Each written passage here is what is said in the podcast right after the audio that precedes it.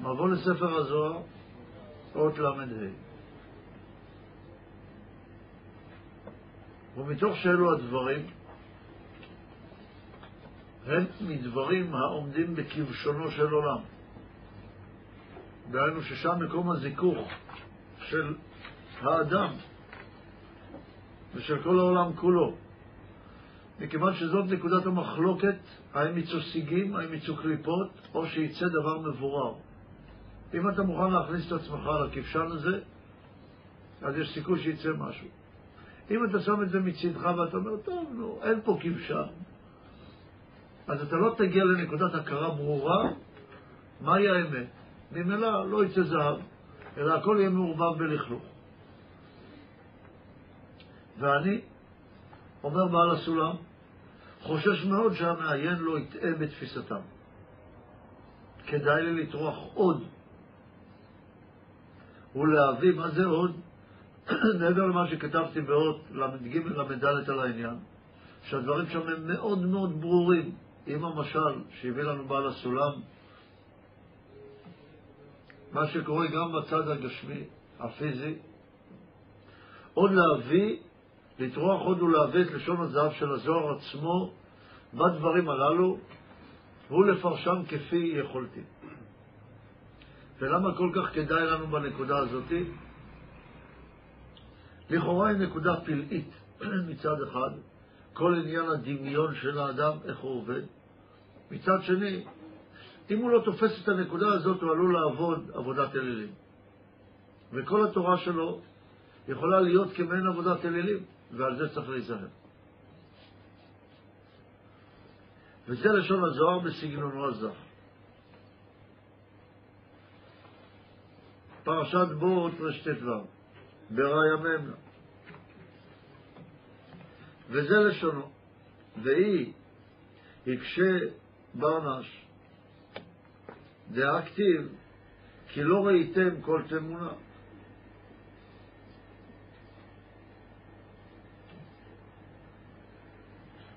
ואם יקשה האדם, הרי כתוב בתורה, כי לא ראיתם כל תמונה. ואיך אנו דורשים בו יתברך שמות וספירות. לכאורה קשה לנו. אנחנו רואים, אנחנו לא רואים בו יתברך שום דבר. אז איך ייתכן שאנחנו מדברים מספירות בתוך עולם אצילות? ויותר קשה לנו הדבר, היות ואנחנו מתעסקים לכאורה בבורא יתברך. האם זה אפשרי או לא אפשרי? האם אפשר לומר שהבורא כועס, הבורא אוהב אותנו, הבורא מעניש אותנו, וכן הלאה? האם זה הוא או לא הוא?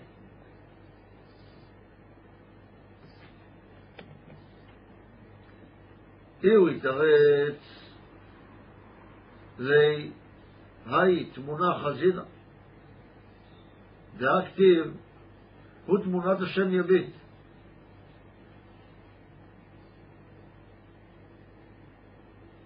ולא בכל תמונה אחרא.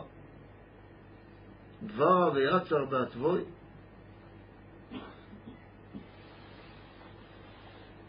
אומר, הוא התרץ לו שתמונה זו ראיתי. כן שכתוב, ותמונת השם יביט. הוא אומר, מה אתה אומר לי אין תמונה בהשם, אי אפשר לראות בו שום דבר, שום דמות? הרי כתוב, הוא תמונת השם ימית, מה, שבבורא, בהשם, יש תמונה, אפשר להביט בו. שפירושו ספירת המלכות, שבה משתרשים כל העולמות והנשמות להיותה שורש כל הכלים. ובסוד המקבלים ממנה שמחויבים להשיג הכלים ממנה. הרי נבחנת להם, למקבלים, שנמצאים בעולמות התחתונים, כתמונה, שעליה נאמר, הוא תמונת השם ימית. זאת אומרת שכן רואים תמונה, אבל צריך לראות מאיפה נובעת התמונה. התמונה נובעת רק מהמקבלים, שרואים את התפשטות המלכות של עולם אצילות, שמתפשטת לעולמות בריאה, יצירה ועשייה. ממשיך מאוד רט"ז. ואפילו היי תמונה לטלי באתרי אלא כד נחיד להמלכה על ביריה. והתפשט עליו התחד זה לו לכל חד כפום מראה וחזיון ודמיון דלהון. והיו וביד הנביאים אדמה. וצריכים לזכור שזה המושג, וביד הנביאים אדמה. מפה בעצם לקוח כל הסוד של הרעיון הגדול הזה. נראה את העברי. ואפילו תמונה זו שאנו מכנים בספירת המלכות, דהיינו שהמלכות האצילות מתפשטת ממעלה למטה. אין זו במקומה כלפי עצמה חס ושלום. אפילו את מלכות האצילות מצד עצמה לא מבינים במקום אצילות. שתגיד, טוב, לפחות אותה אני רואה. אלא רק כשאור המלכות יורד ומתפשט על הבריות, אז ייראה עליהם, לכל אחד ואחד, כפי המראה והחיזיון והדמיון שלהם. שימו לב, זו נקודה חשובה, המשפט הזה. איך אנחנו רואים את ההתפשטות האלוקית אל האדם, איך הבריות תופסות את ההתפשטות האלוקית, זה נראה עליהם, אבל איך? לכל אחד ואחד כפי המראה והחיזיון, חיזיון והדמיון שלהם. אתה יש לך דמיון כזה? קח תראה את הבורא. אתה יש לך דמיון כזה? קח תראה את הבורא.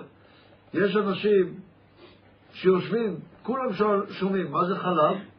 כל אחד אומר משהו אחר. למה? כל אחד כפי הדמיון שיש במוחו, בראשו. אחד אומר חוכמה, אחד אומר זבל, אחד אומר חסדים, אחד מפרש איזה חסדים. אחד חושב שהחלב בכלל בא מהאישה. אחד מבין שזה מהזכר. כל אחד מבין משהו אחר.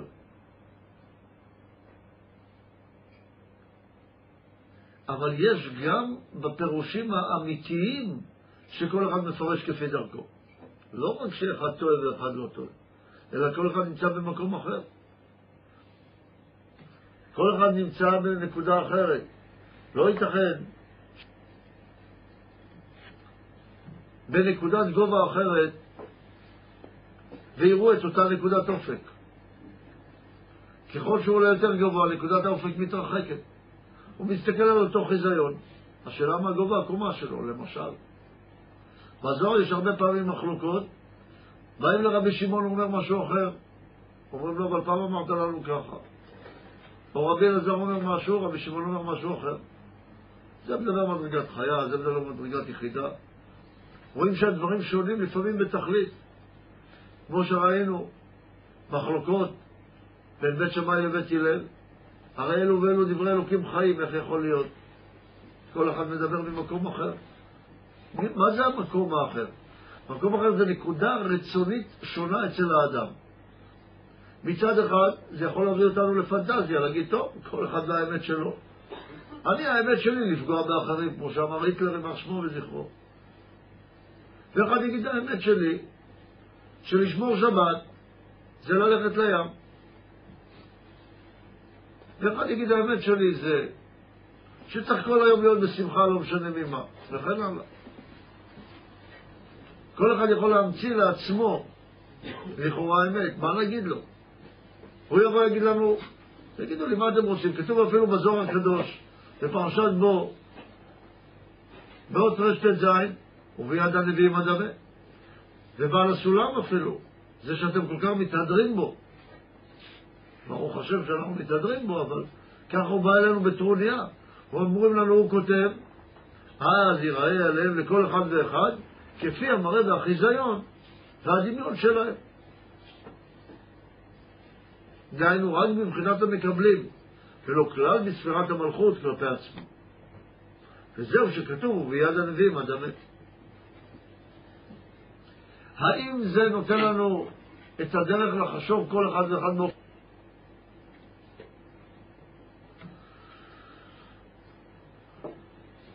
וזו נקודה מאוד מאוד חשובה, הנקודה הזאת, מכיוון שהדעה הזאת מסתובבת הרבה ברחוב.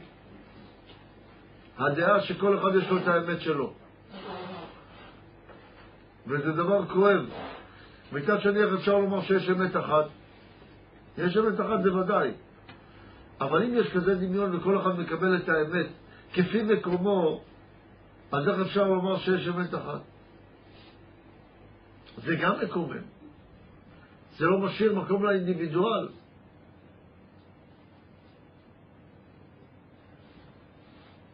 נראה הלאה. ממשיך מאוד רשות ז' מהזוהר הקדוש. כך אומר. ובגינדה יהיה מהיר, אף על דנה, אדמה לכו בדיוקנייכו. אל מי תדמיינוני? תדמיוני, ואשווה. ומשום זה יאמר להם הקדוש ברוך הוא, אף על פי שאני הוא, דהיינו מצד האור האלוקי שמתפשט לנבראיו, מי תדמה לכם בצורות שלכם, דהיינו בחיזיון ודמיון. עם כל זאת, ואל מי תדמיוני ואשווה. גם אם אני מופיע כלפיכם במעשים, ואתם מקבלים ומדמים אותי דרך האור שלכם, האם זה באמת אני? ואפשר לקחת את זה יותר רחוק.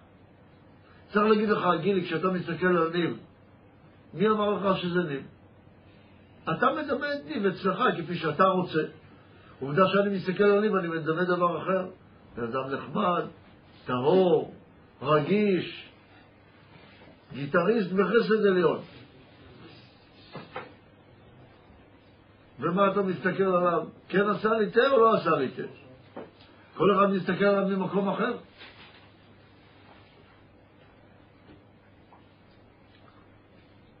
לכן, אם כלפי ניב, אם כלפי הבורא ודאי זה כך, גם כל האור של הבורא, כל דבר שיש מחוצה לי, אם אני תופס אותו דרך ההסתכלות שלי, האם אני יכול לקבל על עצמי את ההבנה וההבחנה שמה שאני רואה זה לא מה שאני רואה. מה שאני חושב שאני רואה זה לא מה שאני רואה. מה שאני חושב שאני רואה זה רק הפירוש שלי של מה שאני רואה. אז מה יש לנו לדבר בינינו בכלל? ואני אגיד את זה אולי קצת שונה. מי אמר שמה שאני אומר פה עכשיו, שאתם שומעים שאני אומר, זה מה שאני אומר? וכל אחד שומע משהו אחר, ואולי בכלל אני לא אומר, שמה שאני אומר זה לא בדיוק מה שאני אומר, אלא מה שאתם מדברים שאני אומר.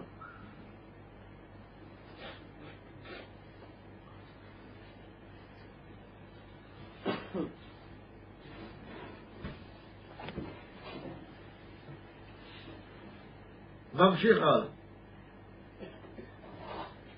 והקודם, דברכות שברך הוא דיוקנא בעלמא, וצייר צורה, הווה הוא יחידי בלא צורה ודמיון. שהרי קודם שברא הקדוש ברוך הוא תמונה בעולם, ומטרם שצייר צורה, היה הקדוש ברוך הוא יחיד ולא צורה ודמיון. אז אם אתה רוצה לומר שלבורא יש צורה כזו או אחרת, אתה מגביל אותו כבר, ואתה לא רואה אותו במצב שלפני שהיה לו צורה, שהוא היה סיבה ראשונית. הרי בתור סיבה ראשונית לא היה לו צורה. אם לא היה לו צורה, אז אתה רואה אותו רק בשלב אחר, לא לפי הצורה שיש בו. הרי הבורא הוא סיבת הסיבות. בתור סיבת הסיבות, ודאי אין לו צורה, ולא דמיון, ולא דמות.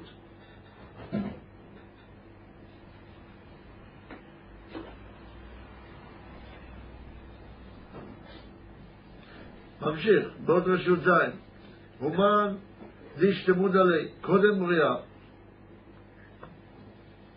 דהי הוא לבר מדיוק כנף. אסור למעבד ליצורה ודיוקנה בעלמא. לא באות ה' ולא באות י', ואפילו בשמה קדישא, ולא בשום אות ונקודה בעלמא. והי, היא הוא כי לא ראיתם כל תמונה. ומי שמשיג, מי שמשיגו יתברך קודם מדרגת בריאה, שהיא בינה, שהוא יתברך שם, מחוץ לכל תמונה, כמו שלמדנו על עולם אצילות, שאין שם הרגש של הרצון, לכן אי אפשר לתפוס אותו דרך הרצון הפרטי שלי, כי אין לי מודעות לנקודה, לנקודה הזאת של למעלה בבריאה. אסור לדמות, אסור לדמות לו שם צורה ותמונה בעולם, לא באות ה' ולא באות י', ואפילו לא לקרוא אותו בשם הוויה הקדוש, או באיזו אות ונקודה.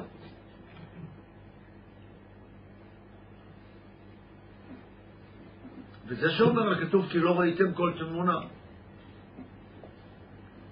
אז איך אנחנו לומדים בעולם אצילות ובעולם אק כל כך הרבה שמות, ועוד אומרים שבאינסוף כל הרצון באינסוף המלכות שנבראה היא שם הוויה, י"ק ו"ק. ועוד יש כאלה שמגדילים לפרש שהיה שם ד' בחינות דאור ישר לפני המלכות. בטעות.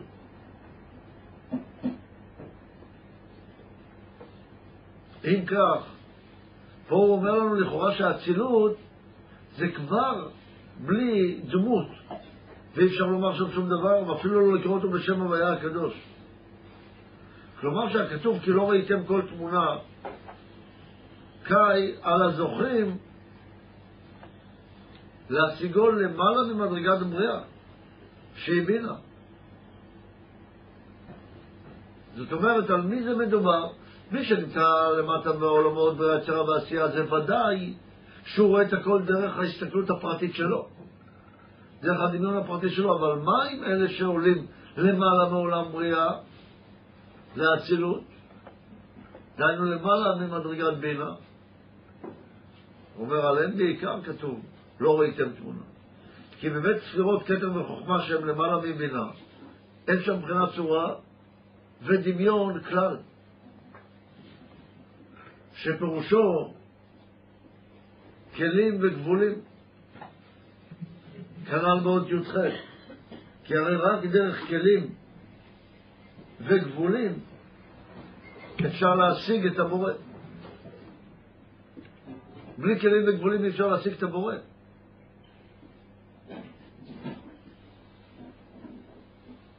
אפשר להשיג אם יש כלים, דרך הכלים עצמם. מה זה אין כלים וגבולים? אין שם מסכים בעולם אצילות, אין משהו שעושה הפרדות. זה כמו שרואים דבר אחד, הרי במה מתבטאת הראייה? כשאומרים שנץ רואה טוב מלמעלה, מרחוק, על ידי זה שיש לו כושר הפרדה. איך הולכים לרופא עיניים, לאופטומטריסט הוא בודק לך את העיניים, אומר לך תעצום עין, תסתכל. אם אתה מסוגל לראות את ההפרדות, זה אומר שאתה רואה.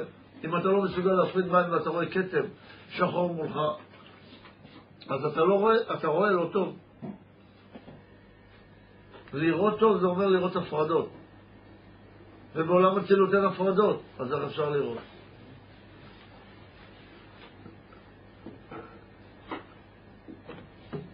כנ"ל באות י"ח, בתחילת הכלים מתחילים מספירת הבינה ולמטה. ולכן כל הרמזים באותיות או נקודות או שמות הקדושים, וזה לכל כל סופרי הסתם פה, שכותבים שמות וכתוב שכל התורה כולה היא שמותיו של הקדוש ברוך הוא, ואומרים שהתורה היא תורת אצילות. אז אם כך, הכתב שהם כותבים צריכים לדעת שכל הרמזים באותיות או נקודות או כל מיני קוצים שאתם עושים שם, כל מיני כתרים למיניהם, כל מיני תגים, אתה זוכר איפה יש תגים?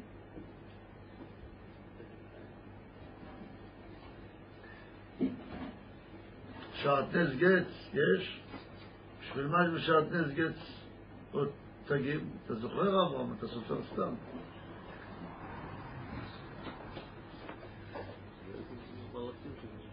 נכון, זה מלכים שנשברו, בבדק חיה גם יש. שם רק תג אחד. למה שם? כלים דפנים שהתקלו וכלים דאחוריים, יפה. וכל שאר האותיות אין בהם תגים. כי לא הייתה בהם שבירה, רק ביטול. אז אנחנו רואים שכל האותיות, כל השמות הקדושים, אינם אלא מבינה ולמטה בלבד. וגם לא במקומם של הספירות עצמן, אלא כלפי המקבלים בלבד. כנ"ל אצל ספירת המלכות. אז מה לימד אותנו באות הזאת? קודם כל שנדע שכל התפיסה היא דרך הפרדה. ואם כך, רק במקום ההפרדה אפשר להשיג. ולכן איפה שאני לא מסוגל לעשות הפרדה, אני לא משיג. איך עושים הפרדה? ההפרדה העיקרית היא בין סיבה לתוצאה, ואיך התוצאה הזאת הפכה להיות סיבה לתוצאה הבאה, ואני רואה את השתלשלות המדרגות, ולא רואה את הדבר כעומד בפני עצמו. אם אני רואה את הדבר כעומד בפני עצמו בלי לתפוס את השתלשלות הסיבה והתוצאה של אותו דבר, לא ראיתם בו שום דבר. זאת אומרת, אני צריך לראות בו הפרדות בין הסיבה לתוצאה.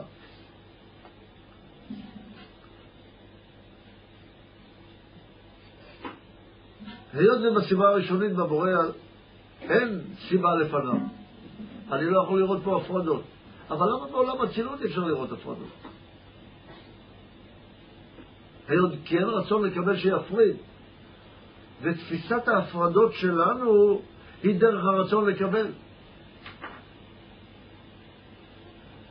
ולכן אצילות נקרא מהמילה אצלו, שעדיין לא נפרד ממנו. אבל מה אכפת לנו עולם אצילות, בריאה, יצר עשייה? מה זה אומר לנו? הרי אנחנו לא מבינים מה זה אצילות, מה זה בריאה. אנחנו בהוויות בני אדם, אני הולך למכולת, מה זה אומר? קניתי חלב, זה לא חלב, זה אני חלב. מי חלב? מה חלב? מה אני צריך להבין בזה? באים אליך ואומרים לך, תשמע, מה שאתה עכשיו, דוד, אתה מדבר עם יוספי, אז יוספי זה לא יוספי, זה רק אתה תופס את יוספי, כפי שאתה מבין. זה צריך להבין. ביחסים בין בני אדם, כי זה מה שמעניין אותנו. אבל אז אפשר תמיד להפוך את זה. צדיק יכול להגיד, למשל, זה שאני ישן זה לא אומר שאני ישן, כי רק אתה רואה שאני ישן, אבל אני באמת לא ישן. אפשר גם לשקר ככה, נכון אתה לא ישן? הנה, הוא אפילו מדבר, הוא לא ישן.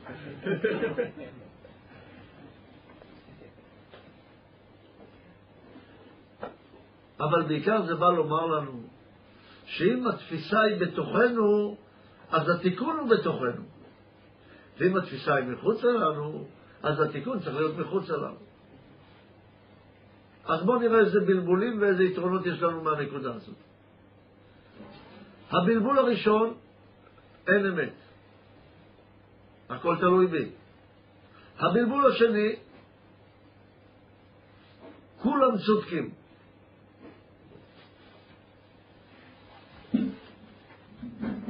הבלבול הרביעי, וזה קשה אם כולם צודקים, גם היטלר לכאורה צודק אם כך, לפי מה שהוא מרגיש. הבלבול השלישי, אני צודק תמיד. למה אני צודק תמיד? לפי הרגשה באותו זמן. פעם תפסתי ככה, זה היה נכון לי ככה, פעם תפסתי ככה, זה היה נכון לי אחרת.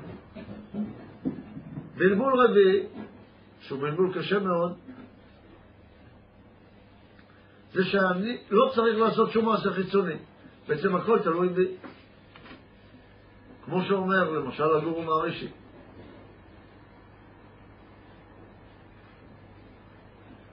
תסתכל על זה, אתה מסתכל על העיפרון, תסתכל על הצד הטוב שבעיפרון, על הצד הטוב שבנשק, על הצד הטוב שבכל דבר, הכל טוב בעולם.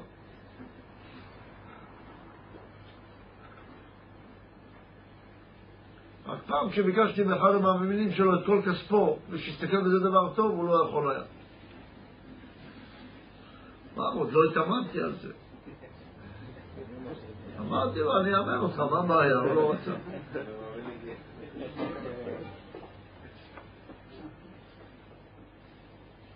אז אם ככה, הבעיה הזאת היא אחד הנקודה התפיסתית הלא נכונה זה שלא משנה מה קורה בחוץ. אבל באמת, לכאורה לפי זה, לא משנה מה קורה בחוץ. לכאורה זה יכול להיות כמו איש של אור, רק אור. הכל תלוי בי, הכל אור בעולם, ואני קובע מה יהיה. אם אני קובע, אז מה זה משנה מה אני עושה? אז אני יכול גם לא להניח תפילין. אז אני אשיר במקום להתפלל. ואם אני אשיר במקום להתפלל, אז ככה, אני ככה מתחבר לבורא. ואחד יעמוד, יצעק קוקוריקו, ויגיד ככה אני מתחבר לבורא. כי מה זה משנה ממה? העיקר שאני אתחבר לבורא.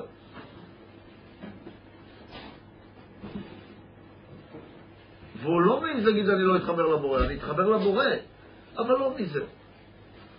חז"ל אמרו לי הנחת תפילין, אני אומר לו, לא הנחת תפילין, משהו אחר. איך נדע?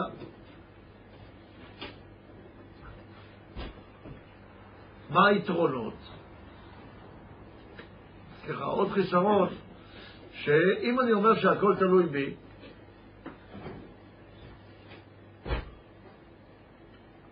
אז אם אני ארצה לתקן משהו, אז יהיה לי קשה להודות שהתיקון הוא בי, ואז אני אהיה חייב להגיד שאני מתוקן בעצם לגמרי. לא תהיה לי ברירה. בואו נראה יתרונות. יתרון חשוב ובולט, שאני מבין שאם הדברים תלויים בי, התיקון שאני צריך לעשות הוא בתוכי פנימה ולא מבחוץ.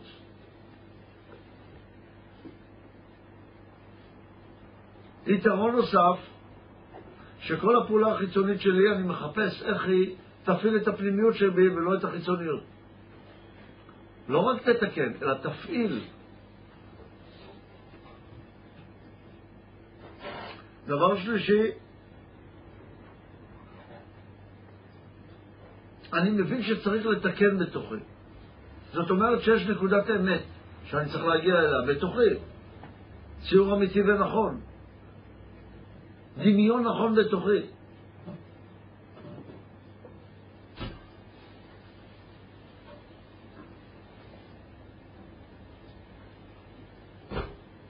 ודבר אחרון, שאני יודע שיש נקודת אמונה שהיא מעליי, והיא הנקודה החשובה ביותר. יש נקודת אמונה שהיא מעליי, שאותה אני לא יכול לתפוס. זה קשה. זה קשה. כי אז אני צריך להאמין שהדברים הם מעליי. וזה נובע מזה, שיש סיבה ראשונית, שאין בה חלוקה, ואני לא יכול לתפוס אותה. מאיפה אני יכול להתחיל לתפוס? רק מהנקודה שאני מפריד, משם אני יכול לתפוס ובשאר אני צריך רק להאמין. אין לי ברירה, אני חייב להאמין בה. אין לי ברירה. מה זה ברירה? שאני יכול לברור את הדברים. להוציא דבר מדבר זה לעשות ממנו בר.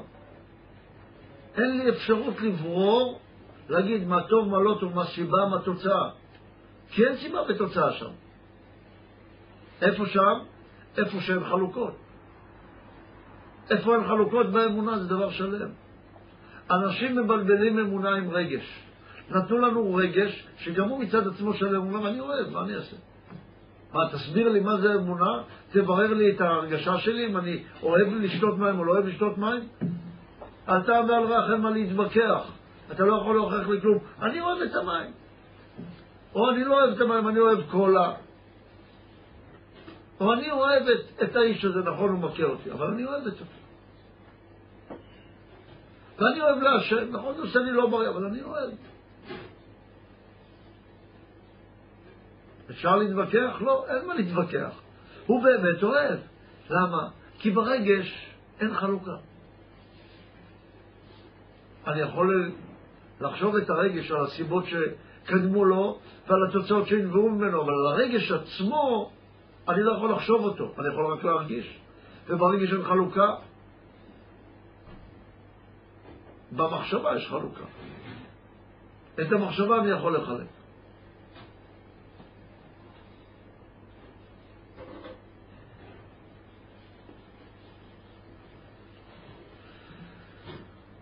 שאלות. אוקיי, נקודה ראשונה זה בנושא של האמת המוחלטת. שבאמת בשיחות שלי עם אנשים, אז אנשים אומרים שהם מבינים שיש בורא, רוצים להתקרב אליו. אבל כמו שהצדיקים אה, הובילו כל מיני נתיבים במעלה ההר כדי להגיע לפסגה, אז גם להם יש את ה... אז אין, אין, אין דבר כזה דרך מוחלטת. וגם להם יש את הדרך המיוחדת שלהם, וזה האיכות שלהם, להתחבר לבורא. ובנושא הזה של הרגש, יש את הנקודה שאתה אומר שכל אחד מרגיש, ובאמת ככה זה שהוא כל אחד מרגיש את עצמו. אבל אם כולם מגיעים להכרה שכלית מסוימת שהם תופסים את המציאות בצורה הכי הנכונה המוחלטת, אז כולם אמורים בסופו של דבר להרגיש אותו דבר. והשאלה השלישית בסוף זה למה בעצם אי אפשר להפוך את זה למתמטיקה כדי שלהגיע לפתור הזה זה הרבה יותר פשוט. כי אני ראיתי הרבה פעמים שגם רבנים מצטערים על עניין שאנשים הבינו אותם כמו שהם רצו ואז עשו כל מיני מעשים שאף פעם לא מעלים על דעתם. מתוך הקצאה שהם שמעו והסבירו את רעיונות שונים ובא בן אדם ובתפיסה שלו החלט שני דברים ואז הוא הבין משהו הולך איתו, אמר הרב אמר והרב שמע את זה אפילו התרחש, שהוא אמר לו אתה אמרת בעצמך טעות, כן, למה אפשר לעשות את המתמטיקה הזאת?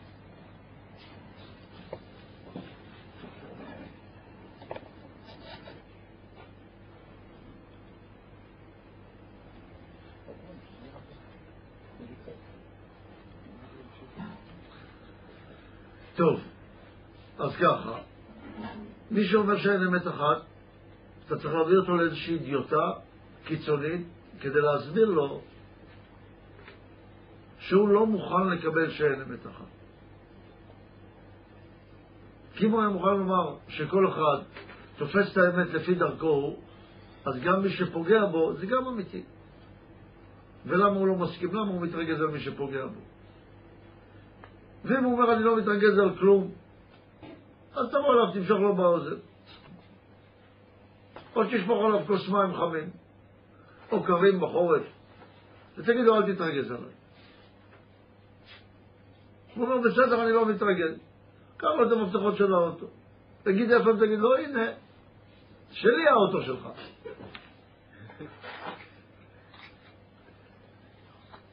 ותראה שמהר מאוד הוא לא מוכן להסכים לזה מבחינה מעשית, אבל הוא יכול לתרץ. מה הוא יתרץ לך? טוב, לא הגעתי למדרגה הזאת. אז בוא אני אאמן אותך. בוא נתחיל להתאמן. אני המאמן שלך, ואתה תהיה המאומן שלי. רוצה? גם לא רוצה. למה לא רוצה? אני אתאמן בדרך שלי. אבל אתה מסכים עם זה שאם אני אתאמן גם בדרך שלי, זה בסדר. הסכמה עקרונית יש לנו. והיטלר עשה בסדר, ואלה שמתפוצצים על ילדים זה בסדר, ואין לך שום ביקורת על אף אחד, כולם בסדר. בן אדם לא מסוגל לקבל כזאת מציאות. הרגש האנושי גורם לאדם להתחקות אחרי מה שנכון ולא נכון בחיים.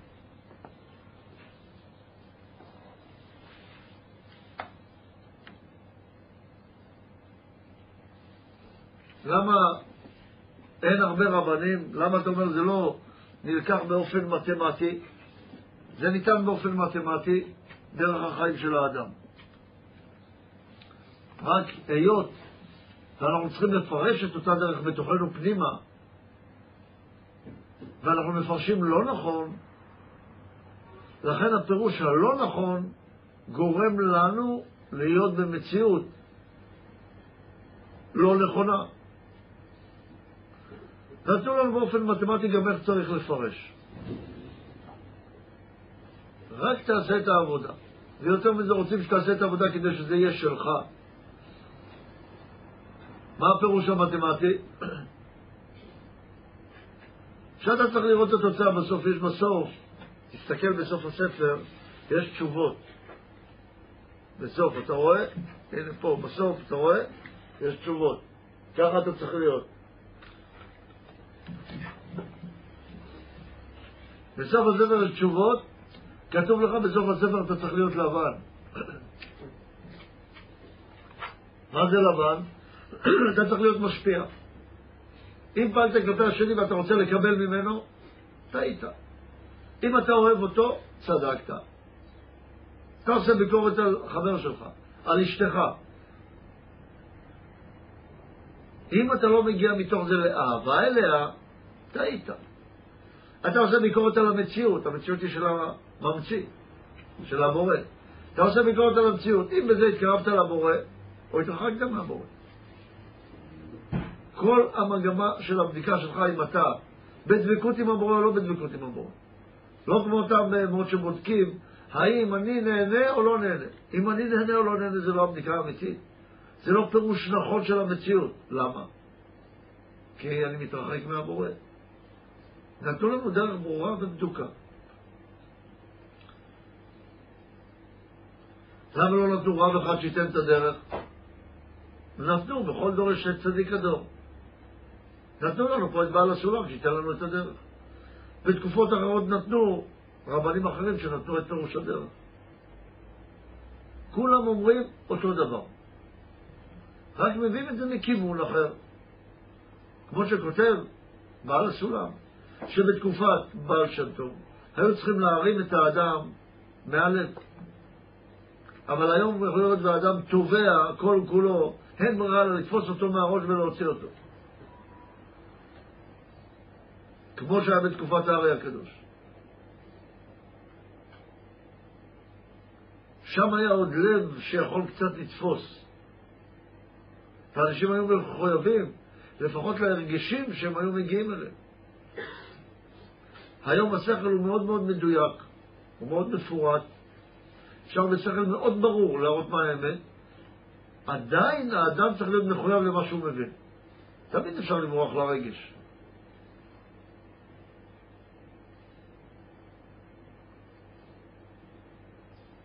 לכן הצידה לאמת היא מאוד מאוד ברורה, אני צריך להתחיל לצעוד.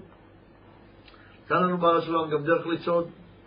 אמרנו שמבחינת עבודה, על פי הזוהר הקדוש, על פי ארבע פרצופי אצילות, אבא ואמא, יסות, זיר אנפין ומלכות, זה ארבע צורות העבודה, התבטלות כנגד אבא ואמא עילאים, אהבה כנגד יסות, שתלויה בעירה, וכל זה בתוך מסגרת של תורה ומצוות. אם הולכים באופן הזה, כנגד זירת ומלכות, אם הולכים בדרך הזאתי, אז אפשר להגיע. אם לא, אם מחסירים אפילו משהו מזה, נופלים. תסתכלו מסביב, תראו שככה זה עובד. תסתכלו להיסטוריה, תראו שככה זה עבד. היו גם אנשים שאמרו ללמוד, ללמוד, ללמוד, אבל לא לעשות. לא ללכת בדרך תורה ומצוות. הם ירדו מהמציאות. גם ישו רצה אהבה. מה, הוא לא רצה אהבה? אהבה זה דבר לא טוב? גם ישו רצה אהבה. למה הוא הגיע? לעבודת אלילים. גם הסוציאליזם רצו. אלטרואיזם, לדאוג לחברים. רצו אהבה, אבל בלי עבודת השם. גם נפלו. היו כאלה שרוצים גם אהבת השם, עוד יותר מתחכמים. רוצים את השקר עוד יותר יפה. רוצים אהבת השם, רוצים אהבת חברים, אבל לא בלי תורה ומצוות. תורה ומצוות מי שמתחשק לו. לא חייב, אפשר גם משהו אחר. גם הם יפלו. אין דרך אחרת. זאת הדרך שנתן לנו בעל הסולם, שנתן לנו רבי שמעון בר יוחאי, שנתן לנו משה רבנו, שכל הגדולים דיברו על הדברים האלה. אין דרך אחרת. ככה צריך ללכת. יש לי חמש שאלות, חלק זה חילוטים של השאלות של יוסף וחלק שאלות אחרות. אחד זה איך אפשר ללמוד לפרש נכון. שניים זה של יוספי, אם צדיקים, אה, נגיד אני אדבר ספציפית למה שיוספי מדבר למשל רבי נחמן או צדיקים אחרים שנתנו דרך להגיע לאותה האמת. איך אנחנו יכולים לדעת איזה דרך אה, יותר נכונה, אנחנו יכולים להגיד לאחרים, מה יותר טוב בדרך שלנו, אם בכלל מותר לנו להגיד דבר כזה. שלוש, בתוך השכל המתמטי שבא נותן לנו איך אפשר לצרף לזה את הרגש הנכון.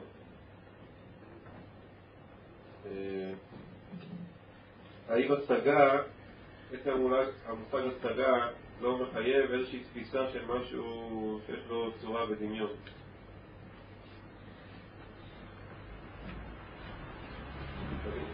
אם הכל בתוכי, איך אפשר ללמד אותי לפרש יותר נכון ולתפוס יותר נכון את המציאות? בכלל איפה אני. איך אפשר ללמוד לפרש נכון? שאלה ראשונה, לפי אמת מידה. כמו כל דבר שמודדים. יש אחד שאמת המידה שלו, אמת הבניין שלו, הבניין העצמי שלו, היא שחייב להגיע לאמת עם שני רגליים ואי אפשר על רגל אחת, אי אפשר בדרך של שקר, אלא רק בדרך של אמת. ויש אחד שמסכים מתוך שלא לשמה להגיע לשמה. כל אחד מודד במדידה שלו. יש מדידה ברורה שנתן לנו בעל הסולם. מה המדידה? המדידה היא אם אתה מגיע לאהבה לבורא. אם אתה מגיע לדבקות לבורא או לא. ואתה תגיד, אבל אפשר לפנטז את זה. אתה צודק. המדידה היא מאוד מאוד קשה. צריך להסתכל בפרספקטיבה ארוכת טווח. אומר לנו שלוש שנים או חמש שנים. גם זה לא פשוט, אם זה שנים גשמיות או שנים לא גשמיות. ודאי שהן לא גשמיות, אבל יש לנו סימן חיצוני. אנחנו לומדים לפרש נכון אם כך לפי אמת המידה. אמת המידה שלי היא אם מצאתי או לא מצאתי. יגעת ומצאת תאמין. מצאת ולא יגעת אל תאמין. לא יגעת ומצאת אל תאמין. חייב שיש לך יגיעה. אז אתה צריך דרך. אם אתה רואה שהתאמצת מצד עצמך לשנות משהו, וגם אתה מרגיש שמצאת, אז אתה יכול להרגיש שאתה בדרך. רק צריך לראות מה מוצאים. אז שני דברים. א', שאתה מתייגע, שאתה עובד נגד הרצון שלך העצמי. לא, זאת אומרת, נגד האנוכיות. יש לך יציאה מאהבה עצמית. ודבר שני שמצאת. מה מצאת? שאתה אוהב את העולם, אוהב את הבני אדם, אוהב את הבורא. אם יש את שני הדברים האלה, הגעת. עכשיו, אחרי שאתה חושב שהגעת, תשליך את זה על המציאות הלאה. ותראה עליי אם אתה אוהב את הבורא בכל דבר. וכל מה שקורה לך, אתה אוהב אותו אהבה שאינה תלויה בדבר, לא רק כלפי מה שקורה לך באותו רגע, גם כלפי מה שקרה לך בעבר, גם כלפי מה שנראה לך שיקרה לך בעתיד, גם כלפי עצמך וגם כלפי כל הבריות הסובבים אותך. זו הבדיקה, זה אהבה שאינה תלויה בדבר.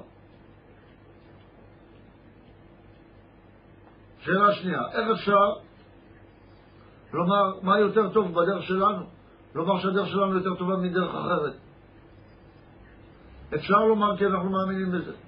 אפשר לומר כי בדקנו. אפשר לומר כי אנחנו בדקנו לפי השאלה הראשונה, לפי אמות המידה הנכונות. פרט לזאת אנחנו מאמינים לבעל הסולם. ומעבר לזאת יש לנו דרך שכלית, שכלית, ששם מקום הוויכוח, ברורה, מדויקת ובלתי אמצעית, אלא רק בנקודת האמונה הבסיסית שהיא מוכרחת לומר שהדרך של בעל הסולם היא אמיתית ונכונה. מי שרוצה, לא נרגיש את הדבר. ניתן לו להבין בשכל מאוד ברור שככה זה, ולא יותר, גם אם אריסטו יבוא. אפשר להניח את זה על השולחן באופן מאוד ברור. צריכים להסכים להנחות ראשוניות. משם והלאה אפשר להסכים להכל בדרך שכלית ברורה ובדוקה. למה אנשים לא מסכימים? הם לא מוכנים להיות סיסטמטיים בדרך של הדיון הרציונלי, אלא מה שהם מבקשים בסופו של דבר זה להרגיש. בסופו של דבר הוא אומר, אבל אני מרגיש אחרת. אותם אנשים רציונליים שבאים להתווכח, אני לא מדבר על האנשים הרגשיים, הרציונליים. למה? כי אין לאן לברוח מהדרך הזאת.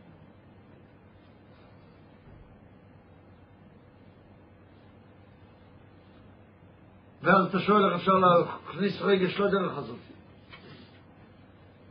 זה נתון לכל אדם ואדם. צריכים לבנות מערכת רגשית. זאת אומרת, אדם צריך להיות פתוח, להרגיש. צריך להשתדל לאהוב. יש בן אדם שאומר, נו, תעשה שאני אהנה. נו, נראה אותך. בוא תדגדג אותי. נראה אם אני אהנה. אני לא נהנה. מביא אוכל, אתה מכיר את האנשים האלה, באים ל, ל, לאישה ולהם אוכל אוכל, אה, זה בישלת היום. אפשר, בן אדם יכול לעשות בדווקא לא להיות שמח. להיות עם מורת רוח, כזה בן אדם, אני פעם שמעתי מישהו אומר בן אדם נאחס כזה. כל מה שעושים, הכל לא טוב בשבילו. ויש בן אדם פתוח, מוכן להתחבר. יש בן אדם, ולכן אני אומר, צריכה להיות פתיחות. צריכה להיות לך, להיות רצון ליהנות. כמובן מהאמת. אם יש רצון ליהנות, ליהנות מהאמת, יש הרבה מה ליהנות מהאמת. אבל זה צריך להיות פתוח לזה. פתוח ליהנות מהאמת. איך? צריך לחפש תחבולות. פעם בסעודת חברים, פעם בלימוד משותף, פעם בקומזיץ עם החברים, פעם בללכת לפסח עם החברים, וכן הלאה. שאלה כמה מחשיבים את זה, ליהנות עם החברים. יש אנשים שמחשיבים את הלימוד. אני באתי ללמוד בשכל, ואז הוא בא וצועק, אבל אני לא נהנה. בטח אתה לא נהנה. הענה זה דבר משולב, זה דבר חווייתי. אז מה התשובה באופן כללי? צריך להשתדל ליצור חוויות הקשורות לאמת שאליה הגעת. כמו שהנחיל לנו הבעל שם טוב. ואם צריך לבוא לטיש, אז צריך לבוא ליהנות בטיש, ולהשתדל ליהנות בטיש. לא לבוא ולהגיד, טוב, נו, מה לעשות? מכריחים אותי. שאלה שלישית, רביעית, האם השגה לא מחייבת צורה ודמיון? צריכים לדבר מה זה צורה ודמיון, פשוט אתה שוכח את מה שקראת בהתחלה בפתק. אבל צורה ודמיון צריך, רק צריך שתהיה צורה נכונה ודמיון שהוא רק אמצעי לנקודה הנכונה. גם הדמיון הוא אמצעי, הוא אחד מכוחות הנפש. גם אם יש לך את כוחות הנפש, רצון, רגש, שכל ודמיון, כולם צריכים להתחבר כמו פירמידה לנקודה אחת שכולה תתחבר להשגה. לא מספיק רק רצון ודמיון, גם צריך שכל ורגש. שאלה חמישית, אם הכל בתוכך אפשר ללמד אותי, ודבר שני אתה שואל בתוך השאלה הזאת, איך, אני איך בן אדם מבחוץ יכול לדעת איפה אני נמצא?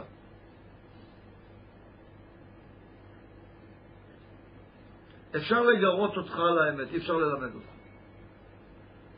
זה מה שאנחנו יכולים לעשות. אנחנו יכולים להציע לך. אפשר, אם אתה מסכים, גם שאנחנו נקשור אותך ונרביץ לך. רגשית. זאת אומרת, ניתן לך ביקורת על הנקודות הלא נכונות. אתה צריך להסכים לזה. אם לא, זה לא כל כך יעזור.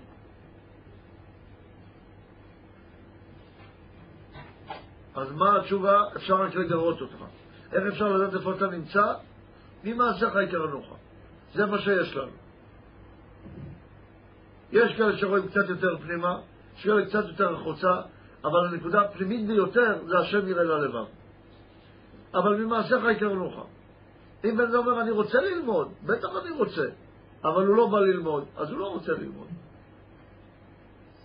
אם בן אדם אומר, אני רוצה להיות בדרך, אבל הוא לא עושה כלום, אז הוא לא רוצה להיות בדרך. אולי יש לו מניעות, אולי, אני לא יודע. אני יכול לשפוט לפי מה שאני רואה. זה לא אומר שכל, אני גם לוקח בחשבון, צריך לקחת בחשבון שלא כל מה שרואים מבחוץ זה כל האמת. וצריכה להיות הסתכלות כללית, גם לא צריך כל כך לבקר את הבן אדם. להתחיל עם בפינצטה, רק באופן כללי אנחנו רואים איפה אנשים מצויים. אחרי מה הם רדופים. אם בן אדם עובד 18 שעות ביום, וכל יום עובד שעה כדי לנצנץ את גלגלי האוטו שלו, ואומר, אני רק פנימיות אני.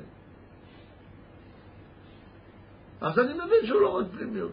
יכול להיות, הוא כמו הקוצקרים, שעושה את זה רק כדי להסתיר את, את עבודת השם שלו. אבל הרבי אמר שהיום כבר לא צריכים לעבוד באופן הזה.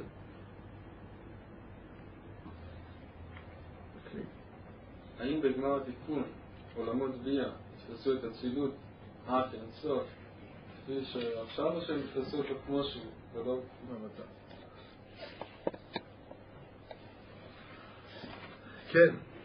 התשובה היא לא. אבל הם כן ישיגו את הצילות. איך? מכיוון שהאני שלהם יהיה הצורה ולא החומר,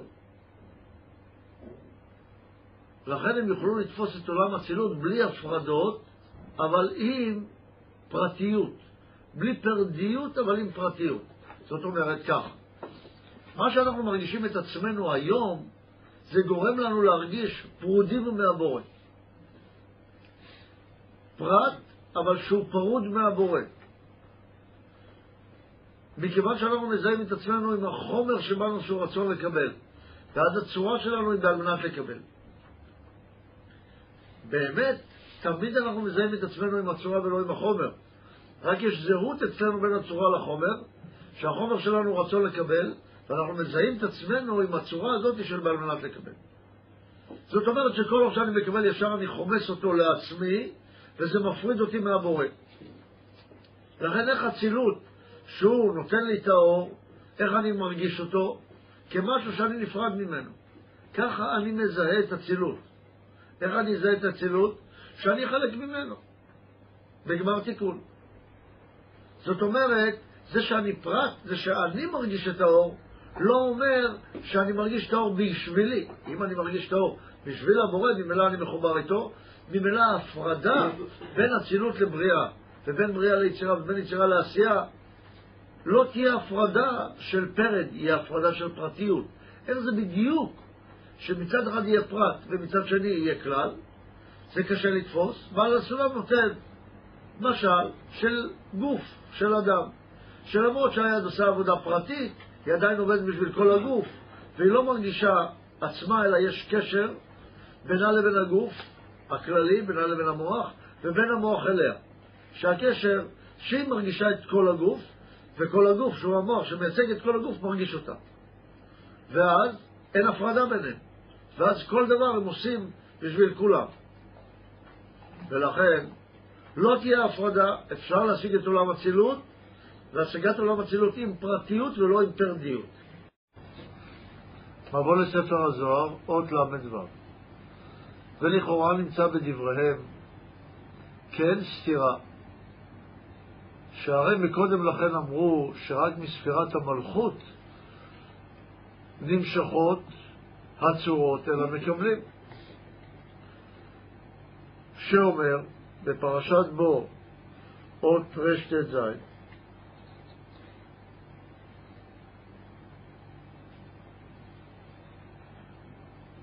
אומר, אלא כד נחית לעם לך, על בירה. והתפשט עלי, התחזלון לכל חד, גיפו מראה בחזיון ודמיון דלהון. והי יהיו ויד הנביאים אדמה. זאת אומרת, אז ייראה להם לכל אחד כפי המראה והחזיון והדמיון שלהם.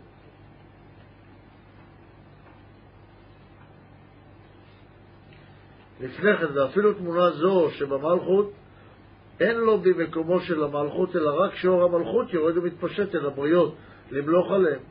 אז ייראה להם לכל אחד כפי המראה והחזיון והדמיון שלהם. דהיינו רק מבחינת המקבלים, ולא במלכות בעצמותה, וזהו ביד הנביאים אדמה. וכאן אומר שמבריאה ולמטה. דהיינו, בבינה ולמטה נמשכות הצורות אל המקבלים. אז מאיפה נמשכות הצורות? מהמלכות ומבינה ולמטה. זו הסתירה לכאורה. אם אני אומר רק ממלכות, אז איך אני אומר עכשיו שמבינה? והעניין הוא, כי באמת אין צורה ותמונה נמשכת אלא מבחינת ד' שהיא המלכות. היות והמלכות היא הרצון לקבל, היא עושה את ההפרדה, היא עושה את החקיקה, ורק על ידי החקיקה וההיעדר אני יכול לבנות צורה. כי איך אני יכול לבנות צורה שתפריד לי הערה ממצב למצב, אם לא על ידי החקיקה של הרצון לקבל? זה אומר כי באמת אין צורה ותמונה נמשכת אלא מבחינת ד' שהיא המלכות. וממנה נמשכים הכלים במקום מקבלים, ולא כלום מט' ספירות ראשונות, שהן כתר חומה בינה תפארת, שמחולקת לשש. אז עד לפה הוא מבסס עוד יותר את השאלה. בעצם הוא אומר, איך יכול להיות? הרי מבאר לנו בהר היטב, שרק במלכות יש את האפשרות לעשות חלוקה. עכשיו בא לתת לנו תשובה. מפה בעצם מתחילה התשובה. לסתירה. אלא בעולם התיקון שנקרא עולם אצילות, נעשה שיתוף מידת הרחמים בדין. שפירושו שהעלה ספירת המלכות הנבחנת למידת הדין, והביאה תוך ספירת הבינה הנבחנת למידת הרחמים. כמו שאנחנו לומדים ברות המואביה, שהעלה את רות שהיא מידת המלכות לבחינת נעמי שנקראת מידת הבינה. ועשה בה מציאות בנעמי, מציאות של חיסרון.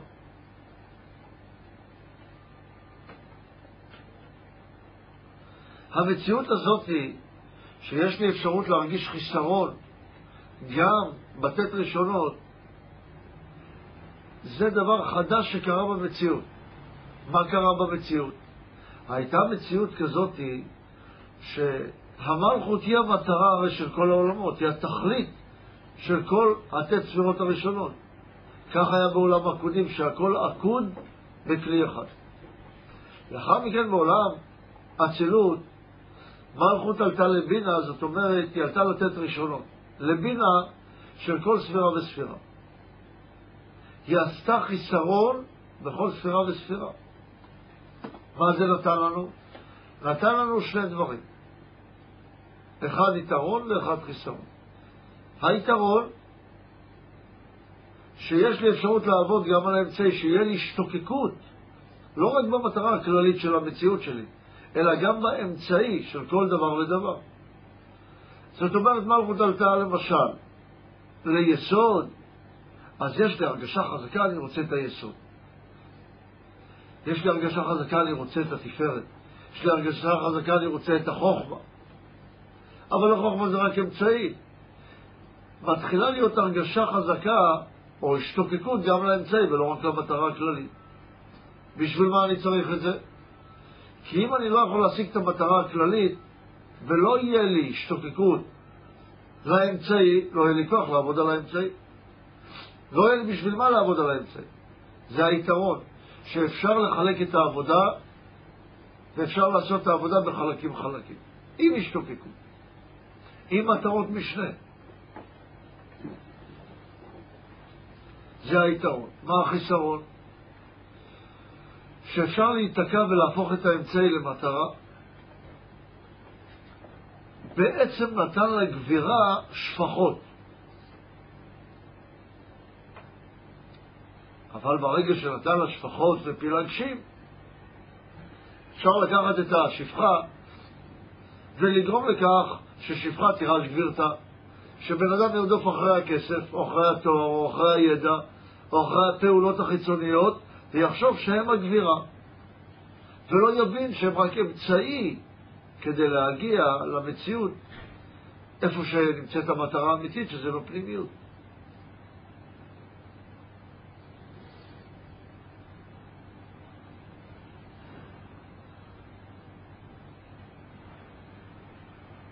לכן אנחנו רואים פה במלכות שעלתה לבינה בית מציאות. מה זה נקרא שמלכות עלתה לבינה? זה לומדים בפתיחה לחומת הקבלה, צריך להסתכל שם באות נ"ב, נ"ג, אפשר ללמוד שם את זה היטב.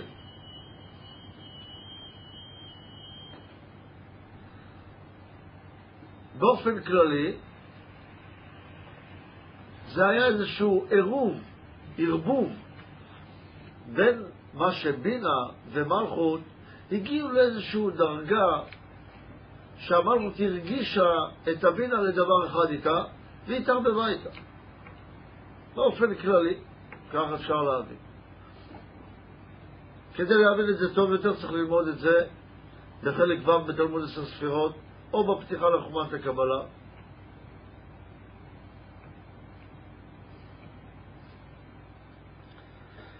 רק מה התוצאה של זה אנחנו לומדים פה, לא רק איך זה קרה. ולפיכך, מאז ואילך, נשרשו הכלים של המלכות בספירת הבינה. מה זה הכלים של המלכות? דהיינו ההשתוקקות, גם בספירת הבינה. מה זה בינה? באופן כללי הבינה זה הדמיון, האפשרות לעבוד בצורה של חיקוי.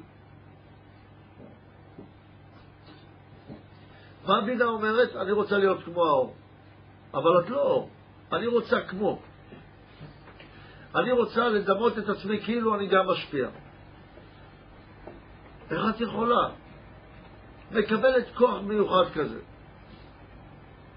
אומנם בדלת בחינות דור ישר, אנחנו לומדים את זה רק כאפשרות של המלכות להשיג את הגורמים שנמצאים בתוכה. זאת אומרת, יש בתוך המלכות בינה כזאת, יש בה רצון כזה שאומר, אני רוצה להידמות. אבל עכשיו, נתנו לאפשרות הזאת רצון עצמאי. כאילו בן אדם אוהב קצת לפנטז. יש לו הנאה בפינטוז, אבל זה לא אמיתי. נתנו לו הנאה לדמיין. הוא יכול ליהנות מזה שהוא מדמיין עכשיו, יושב ומדמיין, אני עכשיו פרופסור לפיזיקה, יכול לשבת ולדמיין מה זה אומר שאני פרופסור לפיזיקה. נתנו לו הנאה בזה. לפני שהייתה מלכות שעלתה לבינה, לא היה יכול להיות רצון כזה. אלא היה אומר, זה דמיון, זה שום דבר, זה רק אמצעי. אם זה יביא אותי למטרה, אני נהנה, אם לא. לא מתעסק בזה. זה נותן אפשרות לטעות, אבל זה נותן אפשרות גם לתקן.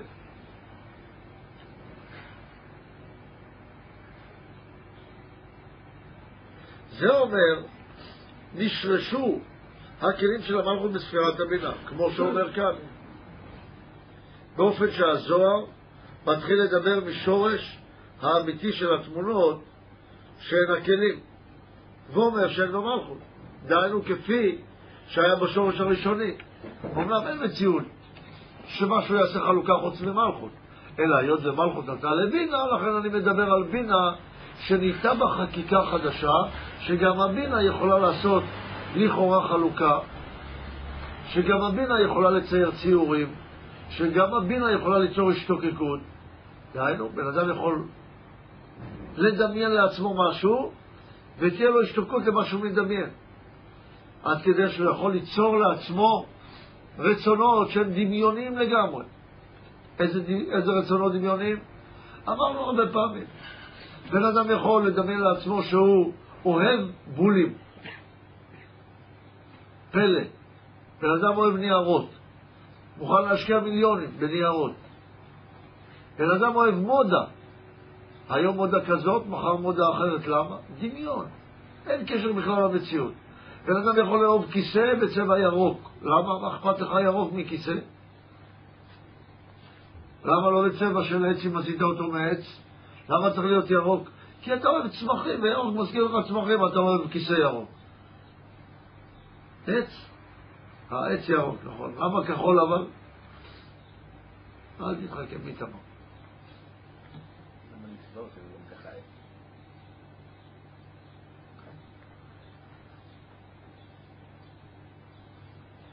וכן הלאה. זאת אומרת שהאדם יכול פתאום לאהוב דברים רק באופן אסוציאטיבי, או באופן מדומיין לחלוטין, כמו הבולים, או לאהוב קבוצת כדורגל. מה אכפת לך, אנשים רצים אחרי כדור? ברור, לכל דבר יש טעם. האמצעי, יש שם גם איזושהי נקודת מלכות, לא סתם אהבתי את הדבר המדומיין הזה. יש פה עניין של תחרות, של הישגיות, של יכולת להראות משהו מכוחך. כמובן שזה רק צריך לשימוש, לתכלית שלך.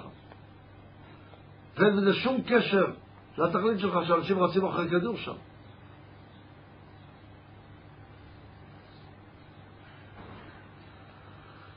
ויש בני אדם שסתם יכולים לקחת איזשהו פינטוז של לא יודע מה, שאוהבים שמכים אותם, אוהבים להרביץ, אוהבים אה,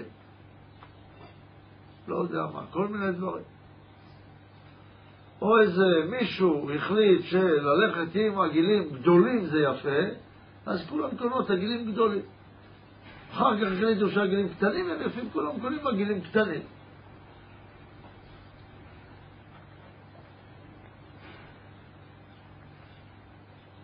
איך אפשר שבן אדם יאהב דבר שלא קשור לתכלית שלו?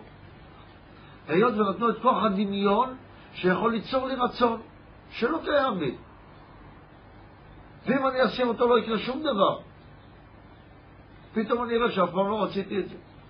זה סתם היה דבר מיותר אצלי. הדמיון יכול לתת לי דבר מיותר לגמרי שנמצא איתי. ילדים הם מאוד מדומיינים. זה טוב דמיון או לא טוב דמיון אם כך? זה טוב ולא טוב. זה הצד השלילי אמרתי עכשיו. אבל יש לו גם צד חיובי. היות ויצר לב האדם רע מנעוריו, הוא יכול להשתמש בדמיון, לדמות לעצמו, הנה, ככה זה המציאות הרוחנית, אני מדמה לעצמי שאני במצב רוחני, אני פועל את זה, ואני קונה לי ככה את הרצון הרוחני.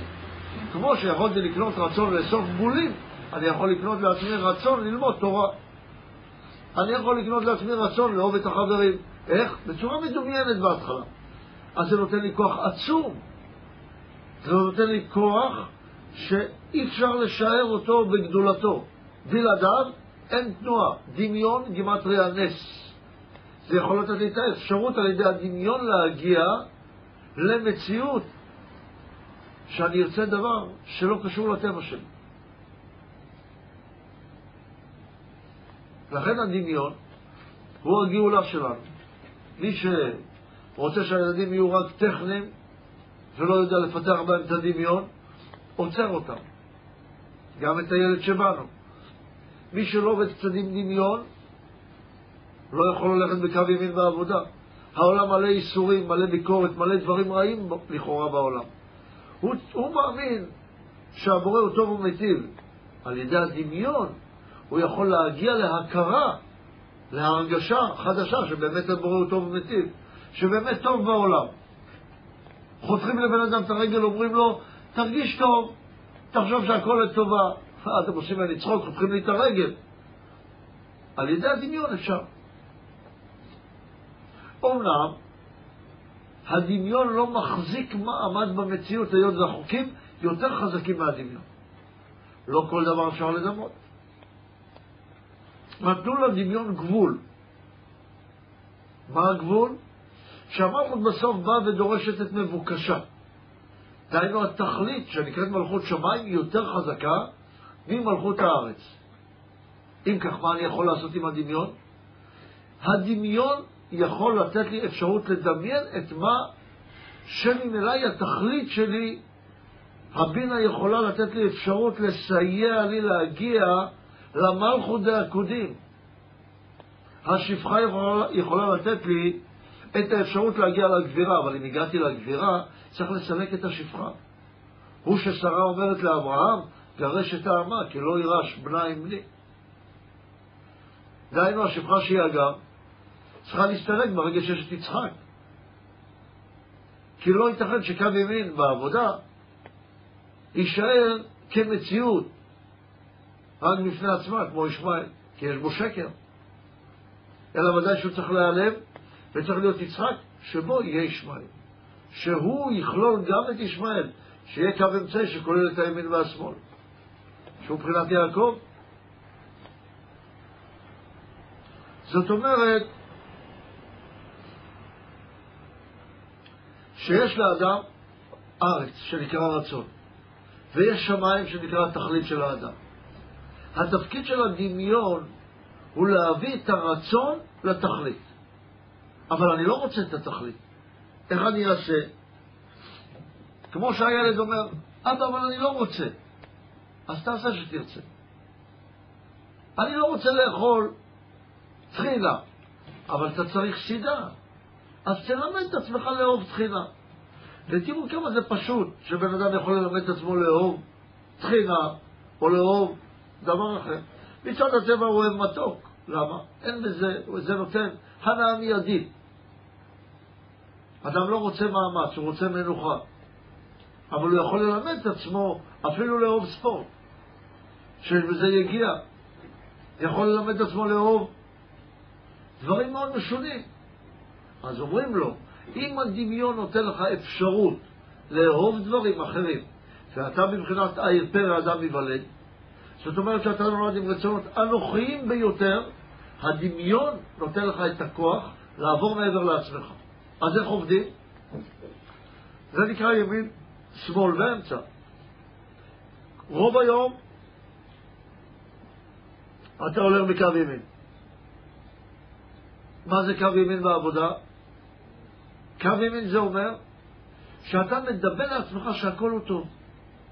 מה, באמת הכל הוא טוב? לא. אבל ככה אתה צריך ללכת. בלי דמיון, איך אני יכול? ככה צריך ללכת עם הדמיון. הכל הוא טוב. בא אליך בן אדם ואומר לך, תגיד לי, מה, אתה עובד על עצמך? מה, אתה לא רואה שאתה טיפש גמור? אתה לא רואה שלא טוב בעולם? אתה לא רואה שיש איסורים? זה לא מעניין אותי. עכשיו אני בקו ימין בעבודה. מבחינתי הכל הוא טוב. בא בן אדם דורך לי על הרגל, אומר לו, או, תודה רבה שהערת אותי. באמת דרכת לי על הרגל, נזכרתי שיש לי הרגלים לא טובים בעולם. באמת ההרגלים זה דבר רע בעולם. הזכרת לי, הרגל שלי עכשיו כואבת. אני יודע שיש מרגלים בעבודה, שתמיד מרגלים אומרים לי, קשה להגיע לשלמות. אפס כהזהב. כל דבר אפשר להוציא ממנו את הנקודה הטובה. ואני יכול להיות מכל דבר שמח.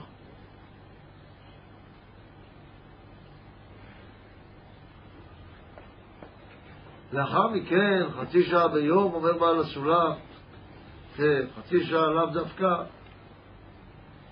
חצי שעה בשעון, אבל זמן, אפילו לא של תפילה שלמה, רוצה לומר, חצי שעה, ששעה זה נקרא תפילה.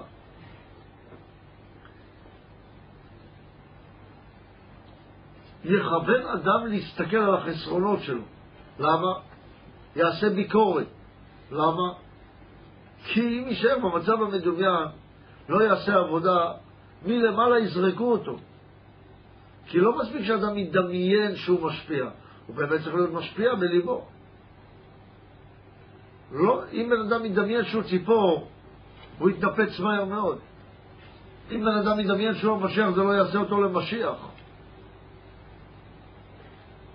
לכן הוא צריך להתחיל לעשות עבודה, הוא אומר, רגע, אני לא במצב הזה. אני מדמיין לעצמי שאני באמת משפיע לכל העולם, אבל אני באמת משפיע? מה אני מוכן לתת לעצמי? מה עשיתי היום בשביל להיות באמת אדם רוחני? מה זה רוחניות מבחינתי? השפעה. אם זה השפעה, מה עשיתי כדי להיות משפיע? אם אמרתי, אני הולך בדרך של בעל הסולם, מה עשיתי? אני רואה כל היום לא עשיתי כלום. למדתי עשר דקות ביום, ישנתי בשיעור, איך אני אהיה בדרך של בעל הסולם?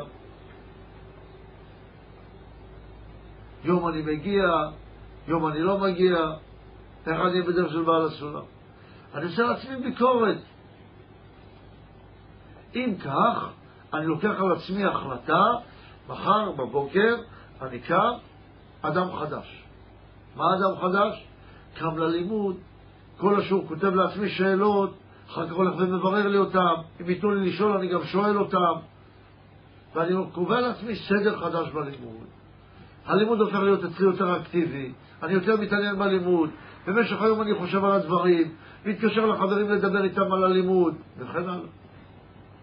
פתאום הלימוד הופך להיות אצלי אקטיבי. זה רק דוגמה, לא, לאו דווקא ככה.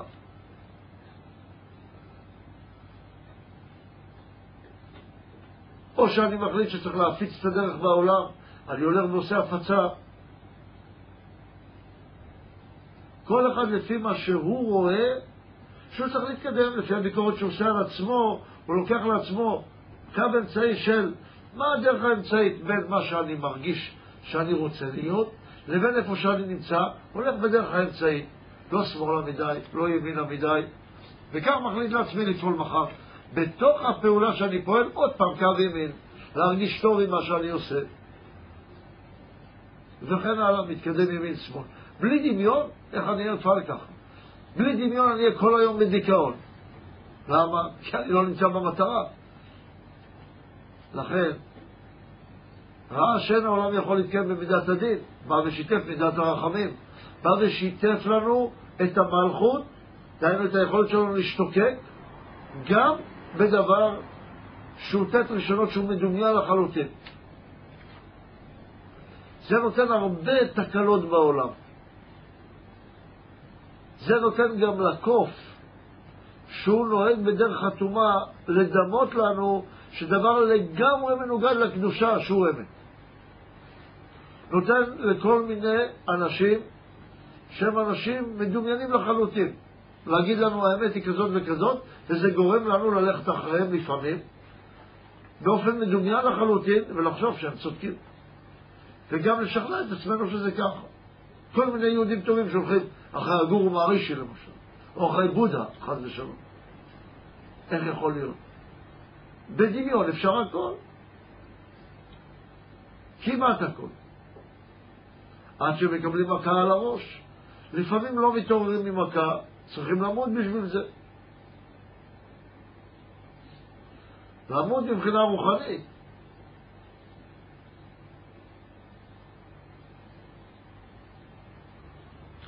וכן אמרו חז"ל מתחילה ברא הקדוש ברוך הוא את העולם במידת הדין.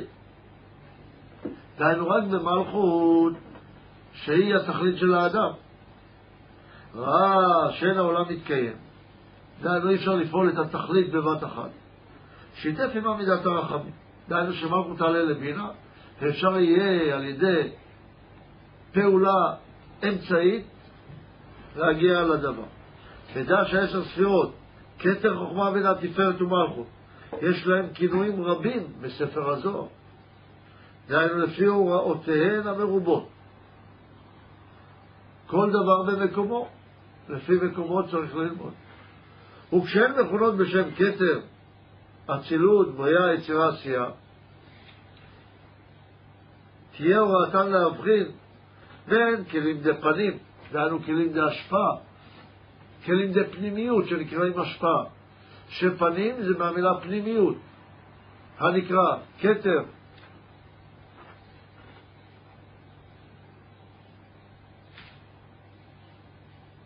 כתר שזה ואצילות שזה חוכמה, דהיינו כתר וחוכמה, לבין כלים דאחוריים. מה זה כלים דאחוריים? אחור פחות חשוב, פנים יותר חשוב, אחוריים חיצוניות.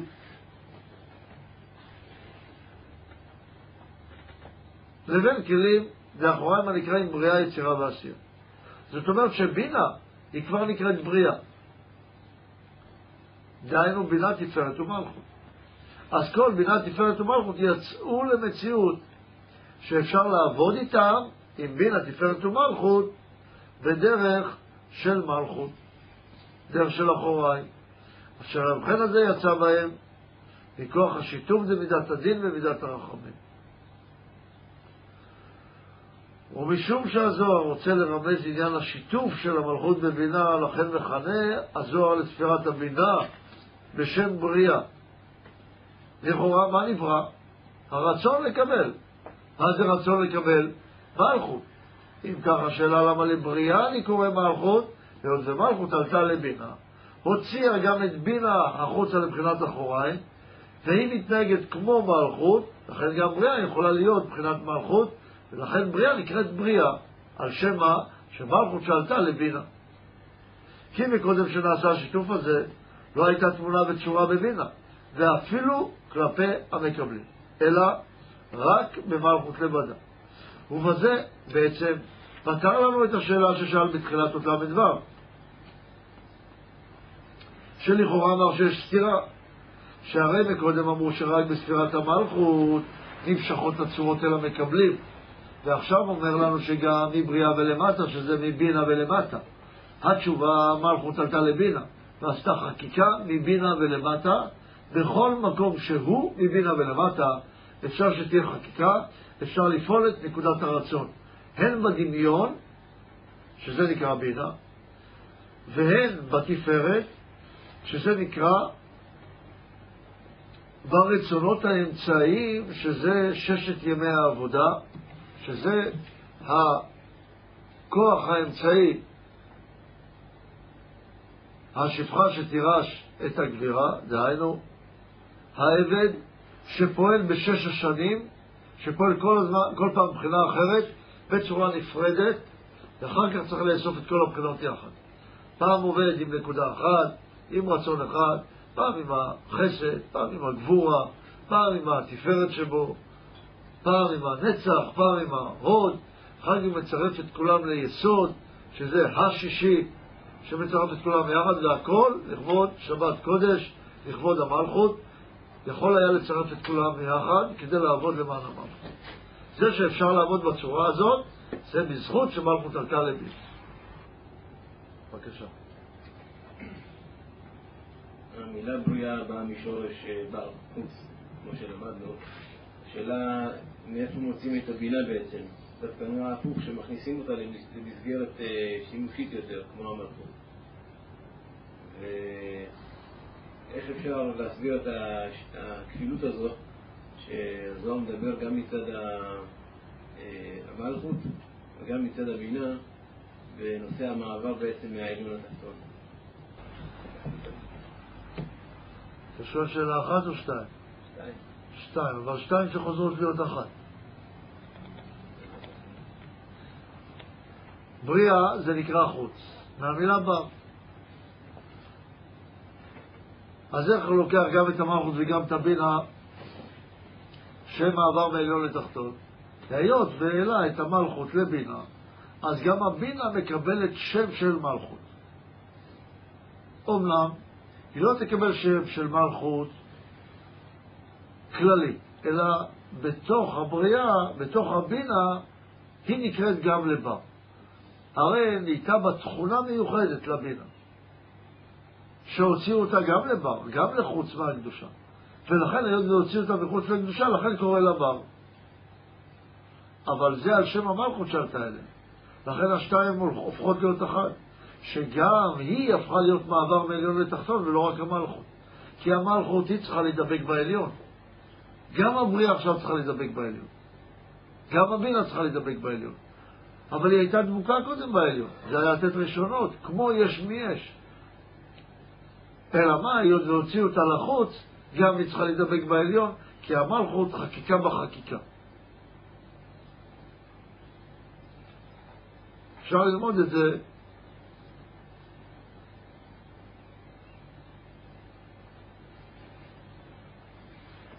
אפשר ללמוד את זה בחלק ז' בעוד כ"ג, שלומדים שם על בית המיעוטים, שמלכות עלתה לדין, עשתה שם בית מיעוטים. כדאי ללמוד את זה שם. מי שקצת יתקדם בלימוד, כדאי קצת להביט שם.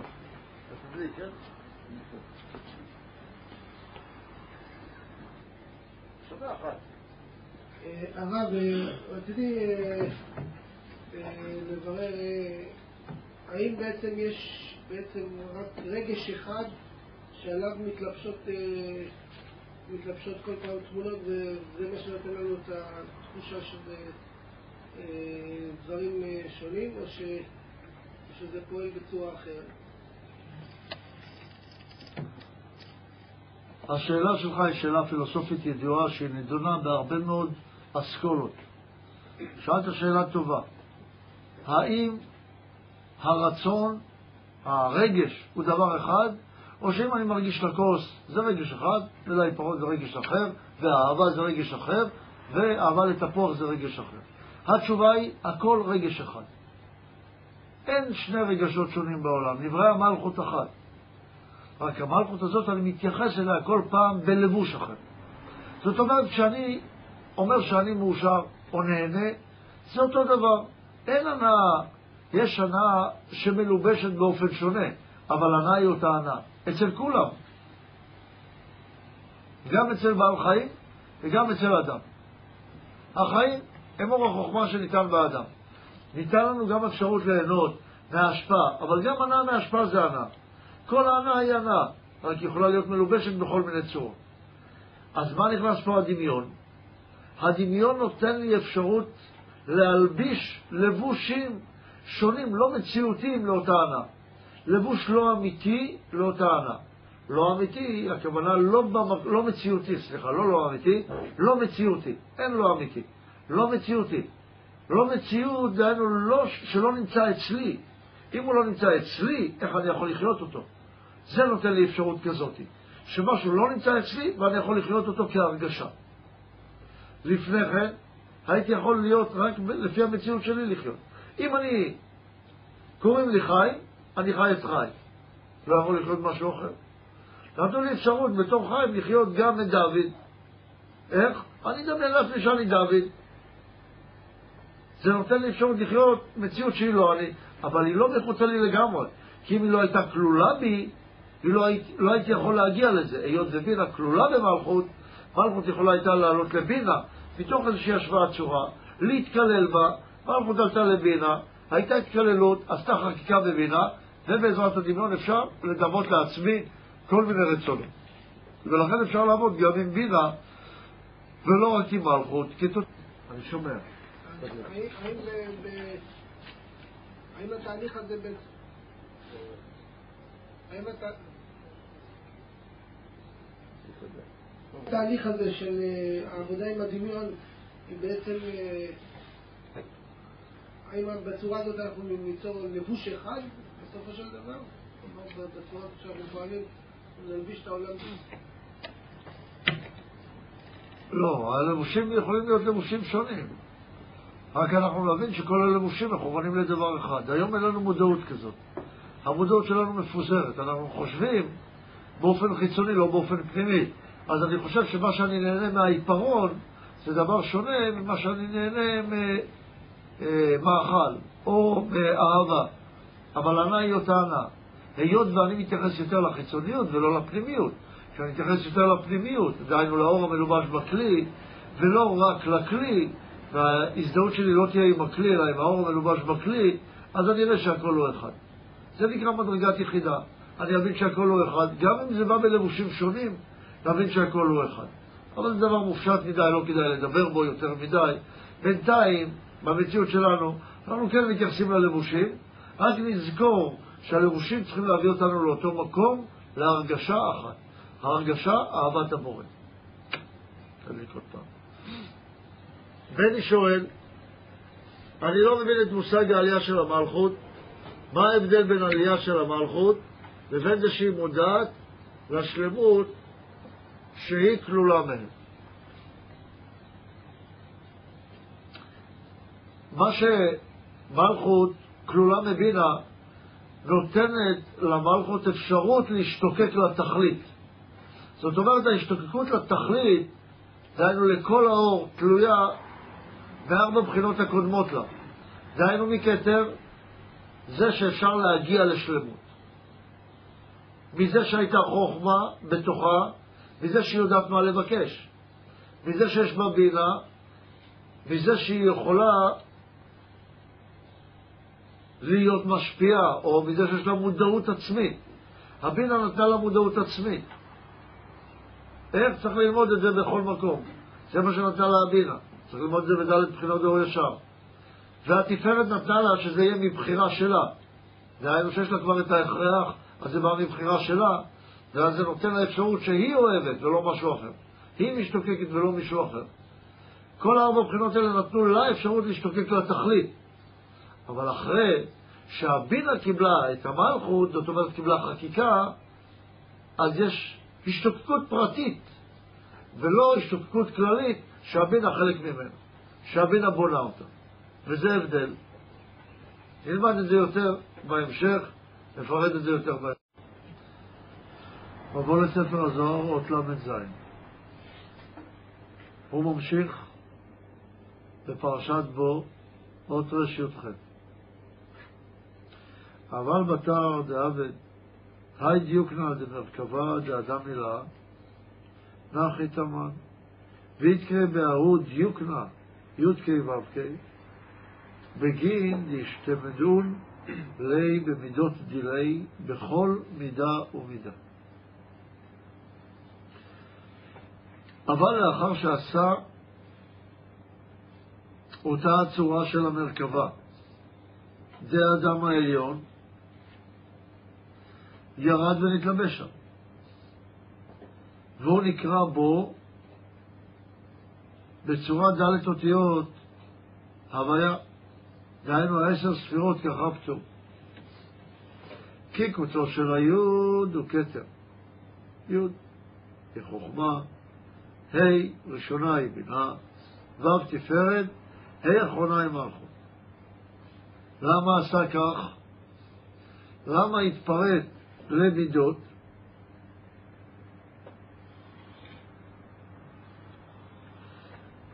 מכיוון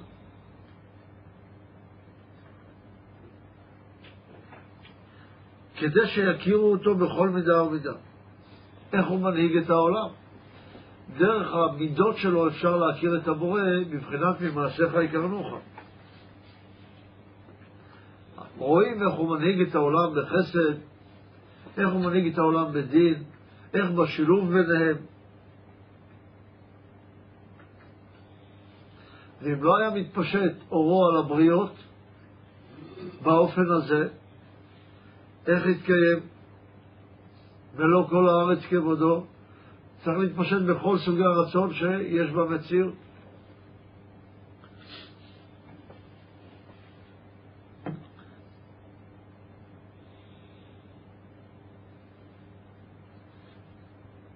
אז עשה את האדם, מה זה המרכבה, זה האדם העליון? מרכבה זה אותו רכב שאיתו צריך לעלות מהמציאות של הגשמיות למציאות העליונה הזאתי של הרוחניות. צריך לעשות איזושהי תנועה בתוכו כדי להגיע לשם. מה התנועה שהאדם צריך לעשות בתוכו?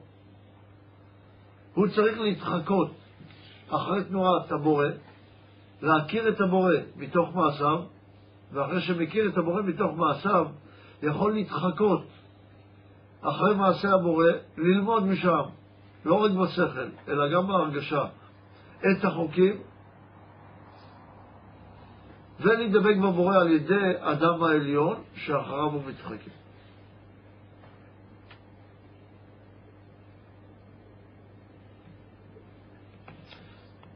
וצריכים לראות שאם המורה ברא את הבריאה במידת הדין, ואחר כך שיתף את מידת הרחמים, כך קורה עם האדם. שבתחילה הוא מקבל אליו את הרצון, ולאחר מכן הוא לוקח את אותו רצון והופך אותו למידה של רחמים. דהיינו, הוא לוקח את הרצון ומשתף אותו, את הרצון למידת הרחמים. הוא לא מבטל את הרצון, אלא משתף אותו למידת הרחמים. איך? זה צריך ללמוד. אבל זאת הדרך שנהג הבורא בבריאה. ממילא גם האדם צריך לנהוג בדרך הזאת. וזו דרך כללית. ויש דרך יותר מפורטת, על פי עשר הבחינות, שיש בשם הוויה. שם כמובן מתחלקים. להרבה שמות לפי גילוייו של הבורא. וכל התורה כולה הם שמותיו של הקדוש ברוך הוא. דהיינו צורת ההתגלות של הבורא לנבראיו. כתוב שאתה קודם הוא. שיתוף אה, של מידת הרחמים היא להביא את אותם אה, מגוון הרצונות או עשר מידות בתחום התודעה שלו. זאת אומרת, להכיר אותם. השאלה היא, למה אתה רוצה להגיע? האם אתה רוצה להיות בעל הכרה, או שאתה רוצה להיות בעל מידה? אם אתה רוצה להיות רק בעל הכרה, אז אתה צריך לעבוד כדי להכיר את המידות. אם אתה רוצה להיות בעל מידה, צריך לעשות משהו עם ההכרה הזאת. לא מספיק להיות בעל הכרה. תחשוב למשל על בן אדם שאתה רוצה לאהוב. נגיד אתה רוצה לאהוב את אליה. איליה, האם אתה רוצה רק להכיר אותו, להיות מודע לכל הפעולות שלו, והאם המודעות לכל הפעולות שלו מספקת, או שאתה רוצה יותר מזה, אתה רוצה לאהוב אותו. האם ההכרה, האם המודעות היא אמצעי או היא מטרה? האם זה שאני מכיר את הדבר, זה אמצעי או מטרה? אנחנו רואים שזה אמצעי ולא מטרה. לכן צריך להשתמש בזה כאמצעי. תשתמש במודעות הזאת כאמצעי, תשתמש בהכרה הזאת כאמצעי. ואז, אם תכיר את הבורא, זה צריך לשמש לך אמצעי כדי להתקרב אליו, כדי להביא את מידותיך למידותיו. אבל אז יש כבר עבודה שונה לגמרי. עבודה נפשית. ואם אתה עושה את העבודה הנפשית, אתה מתקדם. ואם לא, אתה עושה רק עבודה חיצונית, ולעבוד על ההכרה זה עבודה חיצונית. אז אתה לא מתקדם. בבקשה.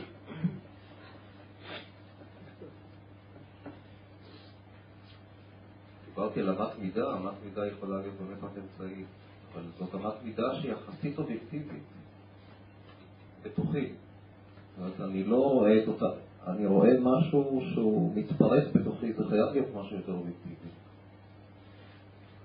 כלומר, אה, יש כבר עד שתי רמות בתוכי לפחות. כשיש שתי רמות כבר יש איזשהו יחס. היה...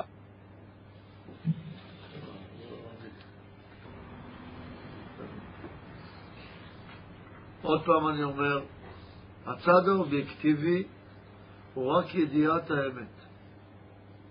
ההכרה שזאת האמת. הבדיקה של עצמך היא דרך המידות, דרך ההרגשה, איפה אתה מצוי מבחינה רגשית. ואמרנו שיש ארבע דרגות לבדוק את עצמך, שהן הולכות ממטה למעלה. מה הדרגה הגרועה ביותר? דוד? שאני אוהב את הרע. מה הדרגה הבאה אחריה? סליחה. המידה הכי גרועה, שאני אוהב את הרע. יש לי הנאה גדולה מהרע. זו המידה הכי גרועה. המידה הבאה אחריה, בגריעותה, היא שאני שונא את הטוב. המידה הבאה אחריה, שאני שונא את הרע. והמידה הבאה הכי גבוהה היא שאני אוהב את הטוב. זה המידות שבהן אני שופט את עצמי מבחינה נפשית. ככה אני מודד איפה אני ביחס לאמת. רק מה שהוא מציע לנו פה, הוא אומר. שהבורא עשה את, ה... את אותה צורה של מרכבה דאדם עליון, והוא ירד ונתלבש שם באותה מרכבה. דהיינו באותו סדר של אותו רכב עליון, שהרכב הזה הוא בצורה מסוימת ומדויקת. אם האדם ילמד אותו, את אותו רכב, הוא יוכל דרכו, דרך החוקיות הזאת של אותו רכב, לגלות את הבורא. אז איפה תחפש את הבורא? דרך החוקיות שיש בתוך אותו אדם העליון, לא בתוך אותו אדם שאתה מרגיש את עצמך. פעם ככזה ומחר כאחר. לא שם הלימוד, הלימוד הוא של האדם העליון.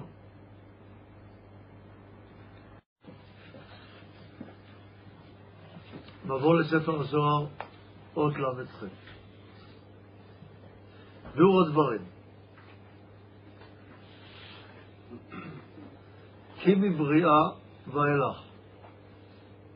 דהיינו, הייתי רוצה לומר מבינה ואילך, כי בריאה היא כנגד בינה. אלא מה?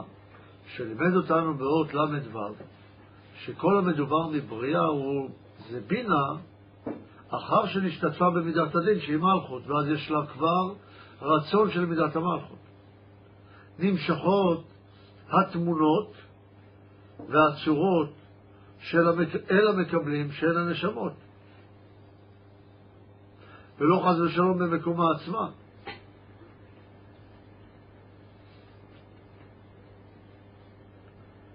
אלא רק במקום המקבלים כאן, שזה נקודה חשובה. איפה מקבלים את האור? במקום המקבל. מקום נקרא רצון. לפי רצון המקבל, באותה סביבת פעולה, כך הוא מקבל את ההערה. זה כבר למדנו מספר פעמים במבוא. זה אולי עיקר המבוא, שהכל מדובר מהנשמה המקבלת, ולא ממקום אחר, וזה מכניס אותנו לעבודת הפרט באופן נחרץ וחד משמעי. ואומר שעשה אז צורת המרכבה של אדם העליון.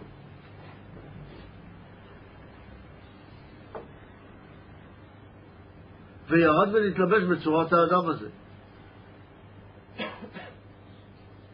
כלומר, כי כל צורתו של גופו, דהיינו רצונו, של אדם, בתרי"ג הכלים אשר לו. נמשכים מן הכלים של הנשמה. זאת אומרת שיש רצון, והרצון הזה הוא לפי הנשמה המלובשת בו.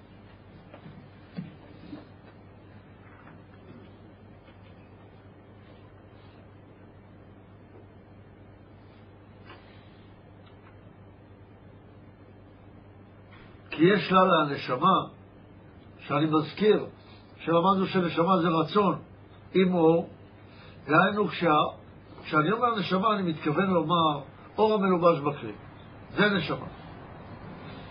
אבל משתמשים במושג הזה בכל מיני צורות. אבל הצורה הזאת היא של אור מלובש בכלי.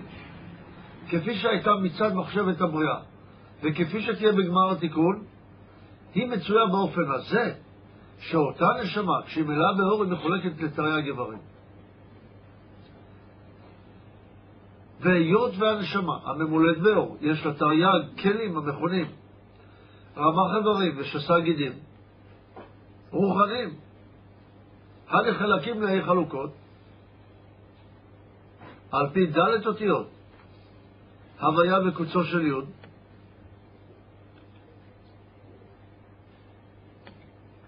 שמחולקים באופן הזה. הראש, הראש של אותה מדרגה הוא כתר.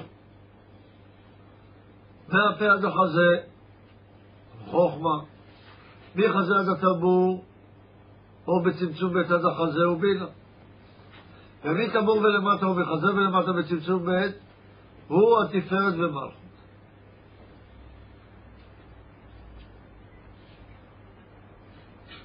פה הוא מחלק לנו על דרך של צמצום א', לכן הוא אומר הראש שלה הוא מבחינת כתר, פה עד החזה הוא חוכמה, חזה עד הטבור הוא בינה, מטבור הציום רגלין, ובית הספירות תפארת ומלכות. כך נראה פרצוף. וכן התורה, דהיינו הדרך להגיע לאותו אדם עליון, שבו יש נשמה, דהיינו האור,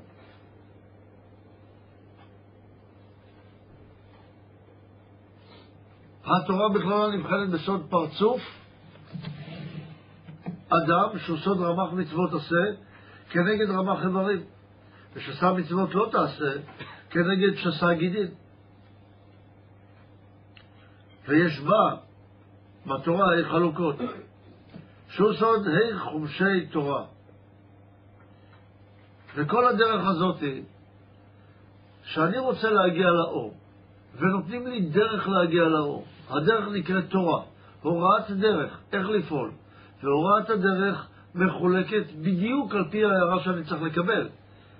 ואז הכל משולב כדבר אחד. אני עושה את הפעולה כבר עם רכישת האיבר שבו אני יכול להשיג את ההערה שהיא נקראת נשמה. איפה? כל זה מדובר בתוך נפשו של האדם, המקבל. עוד פעם, יש פה נושא נשוא ומושא. המושא הוא האור. הנושא, תלוי מאיפה מסתכלים על זה. אפשר לומר ככה, שהנושא הוא האדם המקבל. הוא זה שמעניין אותי. הוא עושה פעולה שנקראת תורה. ומושא הפעולה הוא האור.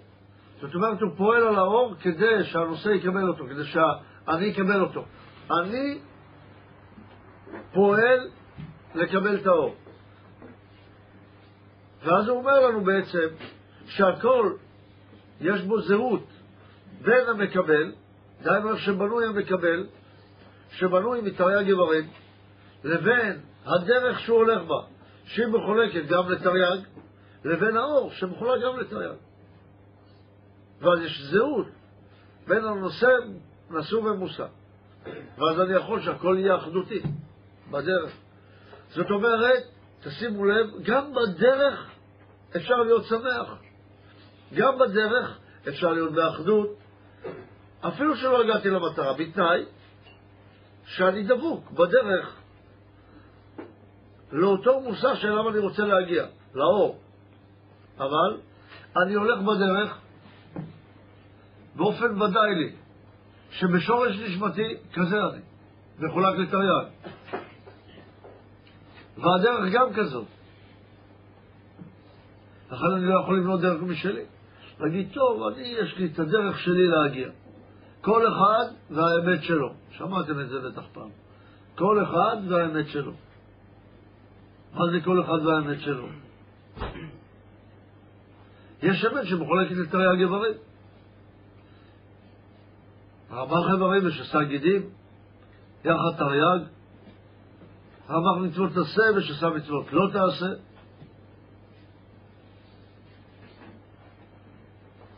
ואם הכל לא הולך לכיוון הזה,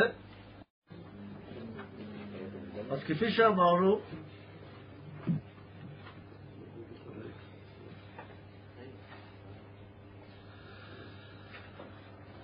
אז אמרנו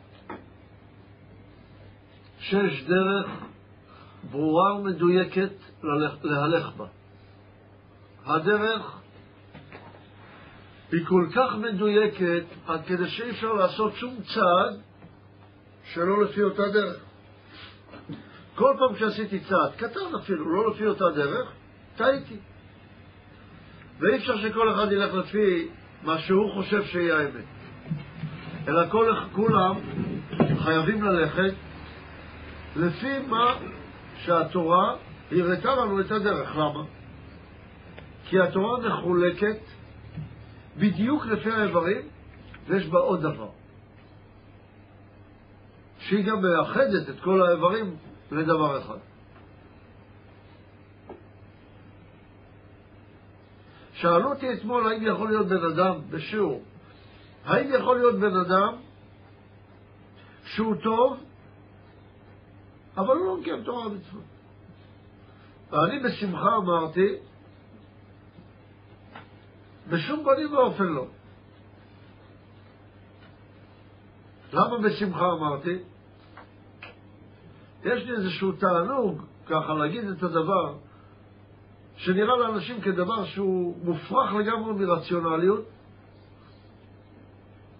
לומר אותו באופן הרציונלי ביותר והברור ביותר והנחרץ ביותר, שככה זה ולא אחרת. ולא לפחד מהאמת. יש בהן תענוג כזה אצלי, אני לא יודע איך זה אצלכם, שלא לפחד ממה שכל כך ברור שהוא אמיתי, ברור לנו, להיות גאה בדרכי השם. כן, אי אפשר שבן אדם יהיה טוב בשום פנים ואופן, בלי תורה ומצוות. אין דבר כזה. ואם אני רואה ככה, אם אני רואה ככה, ואם אני רואה ככה, אני רואה ככה, מה הבעיה? אז תחליף את המשקפיים, תראה אחרת. אתה מסתכל במשקפיים לא נכונות. ואם אני בטוח שראיתי, אז תחליף את הביטחון. כמה פעמים ראית שאתה לא רואה? רק בנקודה הזאת אתה בטוח, בנקודות אחרות לא. וכשבודקים את האנשים האלה, את הנחרצות הכל כך גדולה שלהם, רואים שהם ממש כעלה נידף ברוח.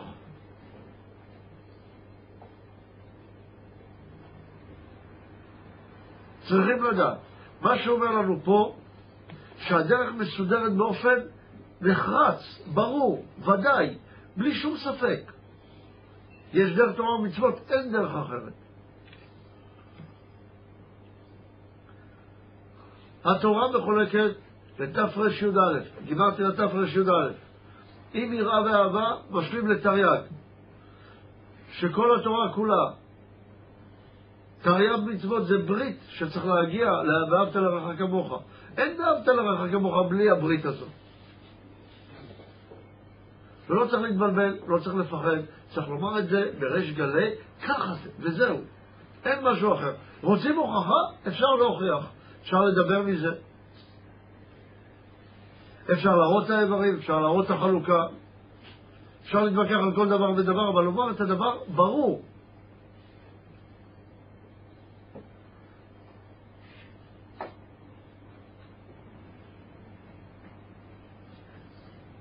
זה הוא אומר לנו פה.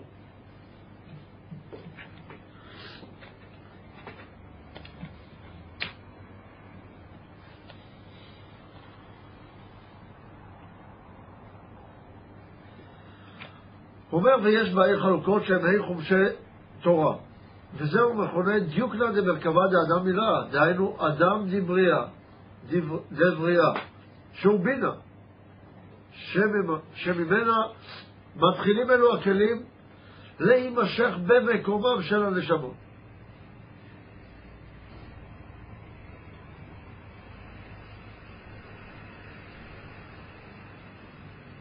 זאת אומרת, מבריאה ומטה, הנשמות יכולות להתחיל להרגיש את עצמיותן. ואם הם מרגישים את עצמיותן, הן יכולות להתחיל לפעול מצד עצמן את דרך התורה, שלפני כן לא יכולות לפעול את עצמן בדרך התורה. הוא מכונה האדם העליון. כי יש ג' בחינות אדם בספירות. אז מי זה האדם העליון? כפי שבראו בתחילה באופן המדויק של תרי הגברים. עוד פעם אני אומר, רמ"ח ושסה. האדם העליון נברא ממלכות דאצילות. היות ונברא ממלכות דאצילות, שהיא החלק התחתון של אצילות חיים, אז נברא בעולם הבריאה. הוא היה כבר בעולם אצילות ובעולם רק נתנו לו נקודת מודעות בעולם הבריאה, לכן נקרא אצלנו שנברא בעולם הבריאה, כי אנחנו תמיד מדברים מצד הסתכלות התחתון. ומצד הסתכלות התחתון, הנקודה הראשונה שנקרא אדם העליון, הוא אדם דבריאה. והבחינה הבית היא אדם דיצירה, ובחינה ג' אדם דעשייה. זה ג' בחינות אדם. ומה עם השתי בחינות הראשונות, כתר וחוכמה? אומנם בכתר וחוכמה אין שום תמונה כלל נצפית. למה? כי אין צופה. אין לו הכרה, הוא חסר הכרה. שאין לנו תפיסה, אמרנו, במהות ובצורה המופשטת. אנחנו לא יכולים להשיג את שורש ואת חוכמה. אי אפשר. אין לנו עיניים בשביל זה. כי העיניים שלנו זה ההכרה הפרטית של האדם. ההכרה, המודעות מתחילה מבינה ולמטה. כמו שלמדנו בד' בחינות דור ישר. מבינה ולמטה, כשרצה לעשות פעולה הפוכה לרגילות, אז כשבן אדם עושה פעולה הפוכה לרגילות, דהיינו דוחה את האור, אז הוא מתחיל להרגיש את המציאות של עצמו שהוא מקבל, ורק אז משם הוא יכול להתחיל לפעול.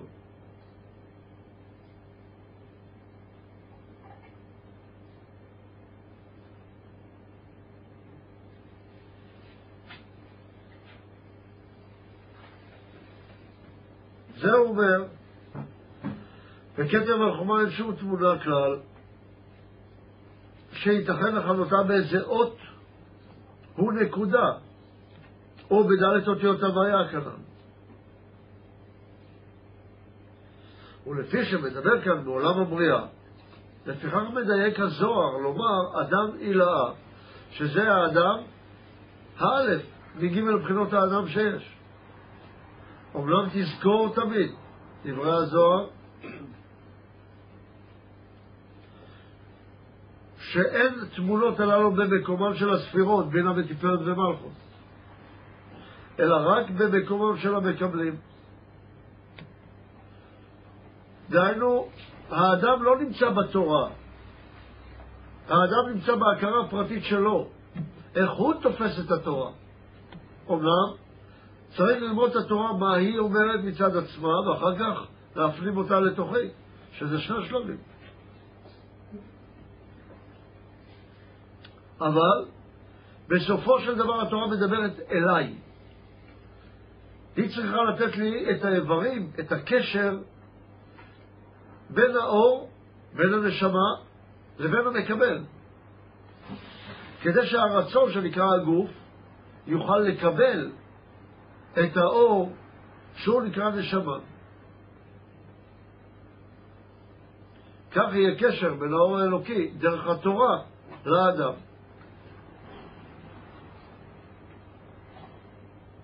הדבר מאוד מוזר, באמת מאוד מוזר. נותנים לאדם דרך להגיע לכל מה שהוא חפץ בחייו, והוא מסרב. לא רוצה תורה. למה לא רוצה תורה? זה פשוט מאוד.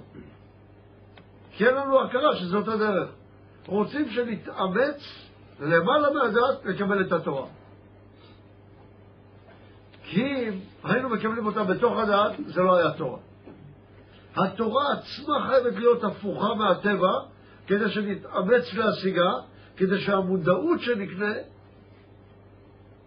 תהיה מתוך עצמנו, מתוך יגיעה. כי בלי יגיעה זה לא נקנה מתוך עצמי. לכן לא פלא שהיא הפוכה והיא קשה, ולכן לא פלא שמסרבים כל כך לקבלה, וכל קבלתה היא באמונה למעלה מהדעת. אבל אם קיבלתי אותה באמונה למעלה מהדעת, זה לא אומר שאני לא צריך לחקור בה. הפוך בה והפוך בה וכולה בה. הפוך בה, וכל דבר שאמרתי בה בתורה, זה צריך לחזור אליך, הפוך בך, ותמצא שהדרך מובילה אליך עצמך. לאיזה עצמי? עצמי שדבוק לבורא. לאותה נשמה במצב האלף שהיא דבוקה לבורא.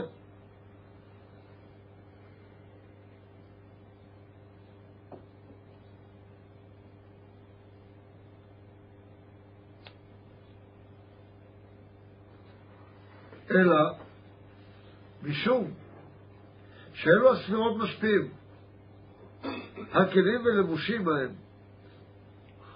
בגין נשתמודו לי במידו דילי, בכדי, פירוש בכדי שהנשמות ישיגו אותו, על ידי האור הנמשך להם במידה וגבול.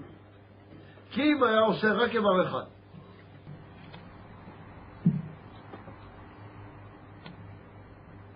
למה צריך מידה וגבול? היות שאם היה נותן לי כלי אחד ולא הייתי משיג, אז לא שלא הייתי משיג שום דבר, או שהייתי משיג הכל. זה אחת מן הדרכים של יצר הרע לומר לאדם, לך תשיג הכל, אם לא הכל, שום דבר לא שווה.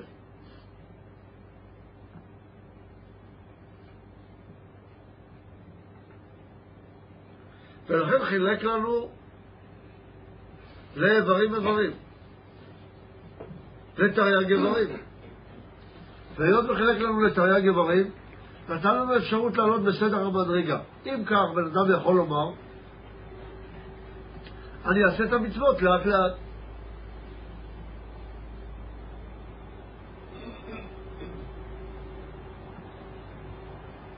לא חייב לעשות הכל בבת אחת.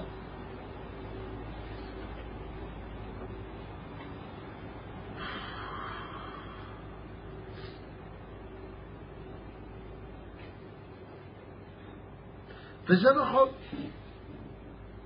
אי אפשר להשיג הכל בבת אחת. אבל אי אפשר להגיע לחצי ירושלים. כשנוסעים, נוסעים לירושלים, שם צריך להשיג תאור. לאט לאט משיגים תאור בירושלים. אבל קודם כל צריכים להגיע לירושלים. אי אפשר להגיע לחצי ירושלים. כשמגיעים, מגיעים לירושלים. שאפילו אפילו ברחוב הראשון של ירושלים, אתה אומר, הגעתי לירושלים. לא הגעתי לחצי ירושלים, לא לרבע ירושלים. חצי ירושלים הכוונה, או חלק ירושלים, זה שירושלים זה דבר אחדותי. זאת אומרת, צריך לקיים את כל תרי"ג מצוות.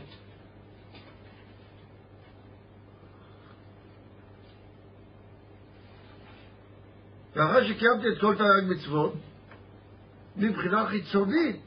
זאת אומרת, הגעתי למקום ששם אני צריך להתחיל לגלות לאט לאט את אותו חלק נשמתי שבי.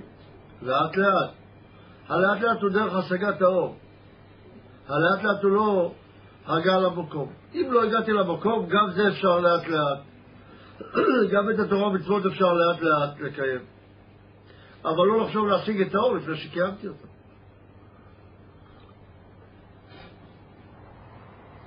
האם בן אדם יכול לצאת למשל בהתחלה רק עם ראש, אחר כך להצמיח אוזניים, אחר כך להצמיח ידיים? לא. בן אדם צריך להיות שלם באיבריו. עכשיו הוא מתחיל להשיג את הידיעה שבו, את הפנימיות שבו, שיהיה הוראה אמיתית.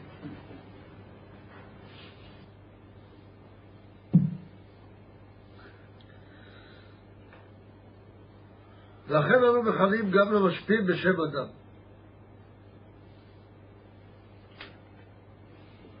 אומנם שם רק מבחינת צבע לבן. דהיינו לבינה זירמפל ומלכות מצד עצמם. אנחנו צריכים לקבל את האור בעולם אצילות מהתורה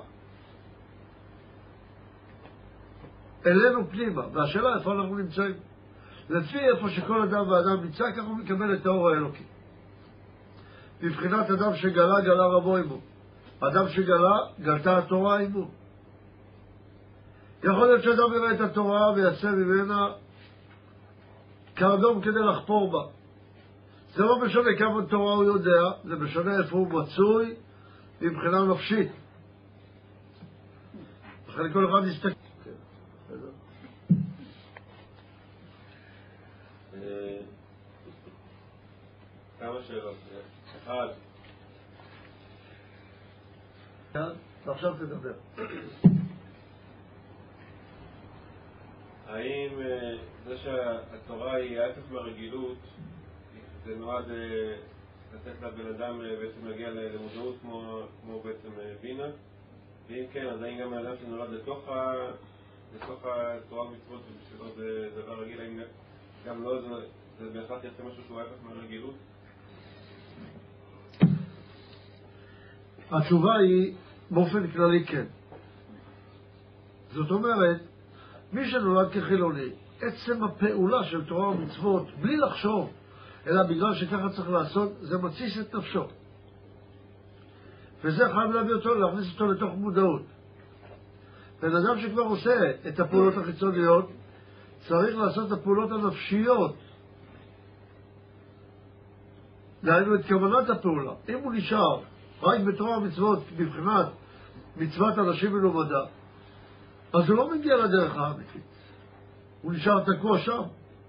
אז הוא לכאורה לא משתמש בתורה ומצוות.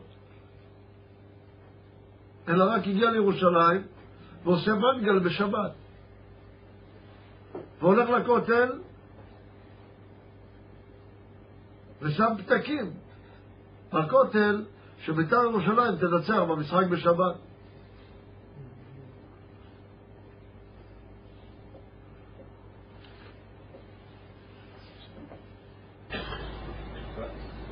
הזה, אז האם זה אומר שהתורה מצד עצמה יש לה את היכולת אה, להתסיס את הנפש בכל שלב, זה רק תלוי במקבל, עד כמה הוא, בשל כל פעם לעבור עוד שלב של הפסקה שהגיע לדבקות ואין מודעות. זה דבר ראשון, ועוד שאלה, אני חושב שגם השאלה השנייה. אה, אם אפשר להסביר את ה... אנחנו לא מסתדרים כל כך המושגים המופשטים מה זאת אומרת, אם הנשמה היא האור שמלובש בכלי, מה זאת אומרת שכל התרי"ג מצוות הם איברים ש... שמובילים לתפיסה ב... באור שמלובש בכלי? התשובה היא כן, התורה צריכה להתסיס את נפשו של האדם לעבודה, דהיינו לתת לו איזושהי מודעות, שאם הוא ממשיך לפעול את הפעולה הזאת עם שינוי נפשי, הוא יכול גם להשיג את האור באותה מודעות שהוא קנה. יש שני שלבים לתורה. שלב ראשון, להביא את האדם להכרה עצמית, שלב שני, לקבל את האור באותה הכרה עצמית שהוא השיג. קשר לשאלה השנייה, החלוקה של אותה נשמה היא כמו פאזל. דהיינו, כמו שאתה מחלק פאזל, קח תמונה, תחלק אותה לפאזל. הפאזל חולק מראש לתרי"ג איברים. חילקת את הפאזל, יש בפאזל, למשל, עין, רגל, עץ. אתה צריך להבין עץ באופן פרטי, עין באופן פרטי, רגל באופן פרטי, שמיים באופן פרטי וכן הלאה. יחד עם זאת אתה צריך לאחד אותם לתמונה. אם אתה לא תבין את האיברים הפרטיים ולא תחלק לאיברים פרטיים, לא תבין. נתנו לך יכולת הבנה לאיברים הפרטיים האלה, איבר איבר, כי כך אתה בנוי.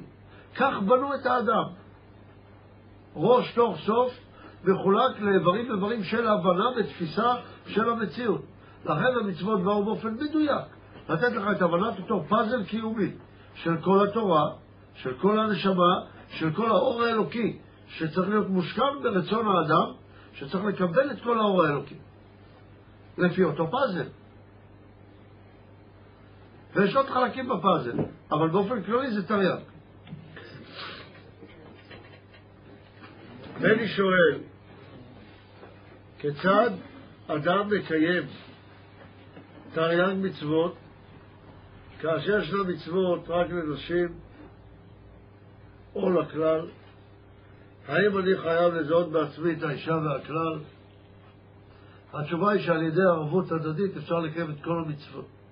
כי אם אתה דואג שמישהו אחר יקיים את המצווה, כמו כהן למשל, ואתה מסייע לו לעשות את המצווה, אם אתה בני כהן, לא כהן, ואתה עוזר לכהן, דהיינו למשפיע לעשות את העבודה, ואתה רוצה רק לקבל כי אתה בני כהן, לא כהן, אז אתה גם עושה את המצווה של כהן, אפילו שאתה בני כהן ומישהו אחר עושה את המצווה של כהן.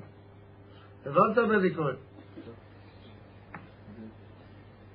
האם אפשר להגדיר בצורה יותר ברורה את ההגדרה שלו של המושג אדם מלהר וכל הבחינות של אדם שמדובר פה? מה, איזה, מה, זה רוצה, מה הוא רוצה להצביע?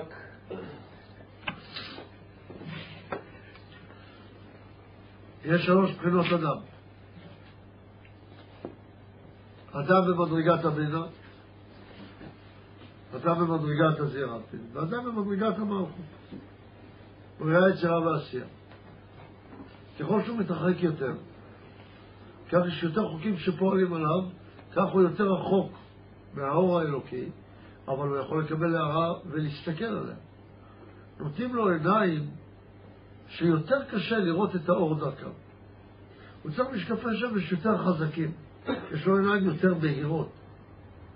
אתה מכיר שאנשים עם עיניים בהירות, הם לא מספיק יכולים לראות אור חזק. הם מעדינים מדי. ולכן האנשים האלה צריכים משקפיים חזקים, משהו שישחיר להם את האור. ככה האדם בנוי.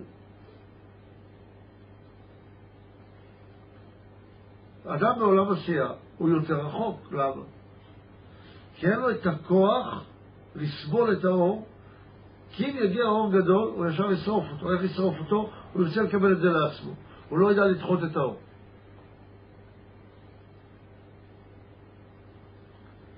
הוא יהיה נחמד מדי אל האור, יקבל אותו אליו. אבל האור רצה להתפשט, כי האור לא יכול לעמוד בפינה, אמרנו. הוא צריך להתפשט האור. זה האור בא אליי, לא אני. אם אין לו כוח לדחות, לא נותנים לו לעלות למדרגה יותר גבוהה. אדם נלאה, הוא מתעסק עם האור עצמו ממש. אבל צריך להגיע לזה. אז אתה יכול לראות את הסדר בתוך העולם שאתה מכיר. בהתחלה אתה צריך את הכוח בכלל להישאר ער בשיעור. אחר כך אתה צריך גם את הכוח להבין בכלל מה מדברים. אחר כך אתה צריך את הכוח להפנים את זה לתוכך, וכן הלאה. בהתחלה צריך לקיים תרי"ג מצוות מבחינה חיצונית, אחר כך צריך להגיע לבחינה פנימית, וכמה פנימית, בזה יש דרגות, של שלוש בחינות. אז בני שואל, עד שאדם לא ישלים מעגל, דהיינו, כל עם ישראל יהיו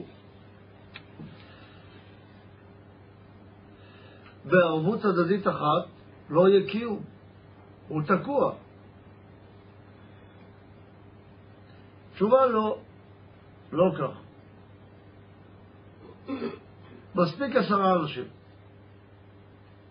או עשרה איברים שבתוכה, איתה עם עשרה אנשים. זה נקרא עדה שיכולה להגיע לשלמות של אחדות. כדאי לשמוע את כל מה שדיברנו בגלגול נשמות, שם דיברנו מזה רבות. אז מה למדנו פה? למדנו פה באות ל"ח. שהאדם שנברא, נברא כדי לקבל את ההטבה האלוקית. ההטבה האלוקית מוגדרת כאור. האורות נקראים בשמות של נערן חי, נשמה באופן כללי. הנשמה יכולה להתקבל היות והיא מחולקת לתרי"ג איברים. אותו האור מחולק לתרי"ג איברים, דהיינו תרי"ג הבנות או תרי"ג הערות שיש במציאות, ככה המורה עשה, נתן לנו תרי"ג דרכים כדי לקבל את תרי"ג האיברים האלה. תרי"ג האורות האלה. ועשה בנו כבני אדם תרי"ג איברים כדי ללכת בתרי"ג דרכים, כדי להגיע לתרי"ג אורות. והכל משולב, ובכל רמה שאדם נמצא, עדיין קיימת המציאות הזאת. שלא יגיד שאולי אצלי זה לא קיים, יש לי רק חלק מהאיברים, ואני צריך לקיים רק חלק מהתורה, תשובה לא. כל התורה אתה צריך לקיים ברמותיה השונות, נותנת לך את המציאות שלך לפי איפה שאתה נמצא. ולכן התורה באופן פילי מתאימה לכולם. כל בני ישראל. אבל כל אחד פועל לפי המידה שלו, יכול להשיג שם את כל הפאזל השלם ששייך למציאות שלו. גמרת את הפאזל, מעבירים אותך עוד פעם לבנות את אותו פאזל במדרגה יותר גבוהה. ולכן, התמונה הכללית היא אותו דבר, רק אדם משתכלל כל הזמן ברמה של אותה תמונה. כאילו קורא את אותו סיפור כל פעם, רק מבין אותו כל פעם יותר. כמה פעמים קרה לכם שקראתם ספר, קראתם אותו עוד פעם, הבנתם יותר ברמה יותר גבוהה, קראתם אותו עוד פעם, הבנתם אותו עוד פעם ברמה יותר גבוהה, וכן הלאה. כך צריך להתייחס לתורה, כך צריך להתייחס למצוות. אם אתה מרגיש שהבנת את הדבר, שאתה כבר יודע את הדבר, אתה חייב לחפש את המדרגה הבאה שאליה אתה צריך ללכת. משהו צריך לגרות אותך ללכת למדרגה הבאה. ואם אתה בטוח כבר הגעתי, תבדוק את עצמך אם קיבלת את כל האור האלוקי. אם לא, כנראה שאתה צריך עוד להתקדם. וכל ההתקדמות לא יכולה להיות שלא בדרך תורה ומצוות אם כך. כי דרך תורה ומצוות נותנת לנו באופן מדויק את הדרך כדי לעבור מהמצב של המקבל למצב של האור, והתרי"ג יוצרת בנו במקבל את הצורה שמתאימה לאור, כך שיש השוואת צורה בין האור לבין המקבל, והאור יכול להתקבל רק... מבוא לספר הזוהר, אות ל"ט ולא יוקשה לך, הרי ד' אותיות הוויה וקוצו של י' הן ה' כלים כנראה.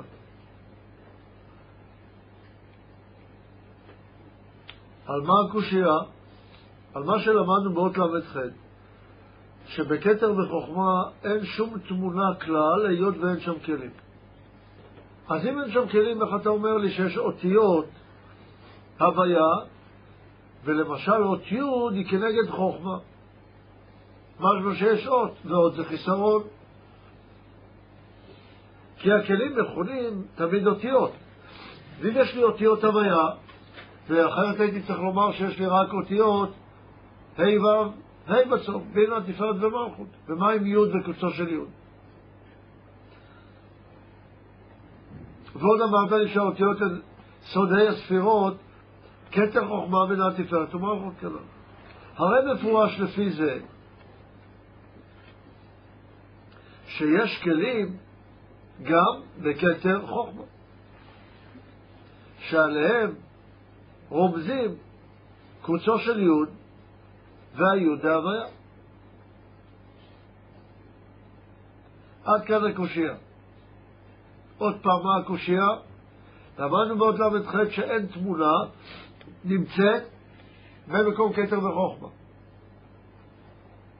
למה? כי אין כלים שם. ואם אין כלי, אי אפשר לקבל תמונה.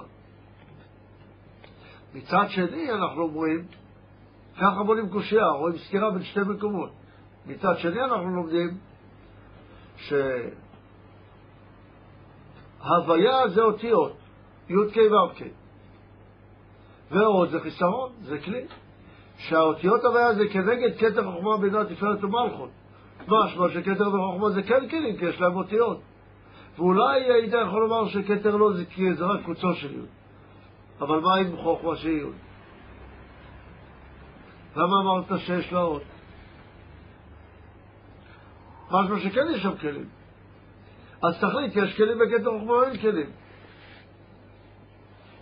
זו השאלה. שאלה ברורה. והעניין הוא, כי מה שאומר, התמונות והמידות של הכלים מתחילות מבריאה ולמטה, דהיינו בגימל הספירות, בינה ותפארת מלכות בלבד, ולא בכתר וחוכמה. ממה מדבר? היינו מבחינת מהותן של הספירות. מה זה מהותן? כך עומדות הספירות האלה. אומנם נודע שהספירות נכללות זו מזו.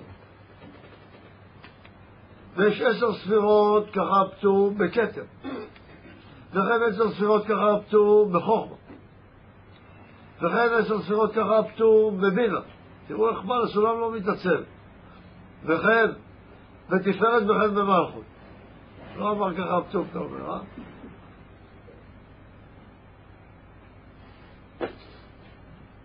ולפי זה נמצא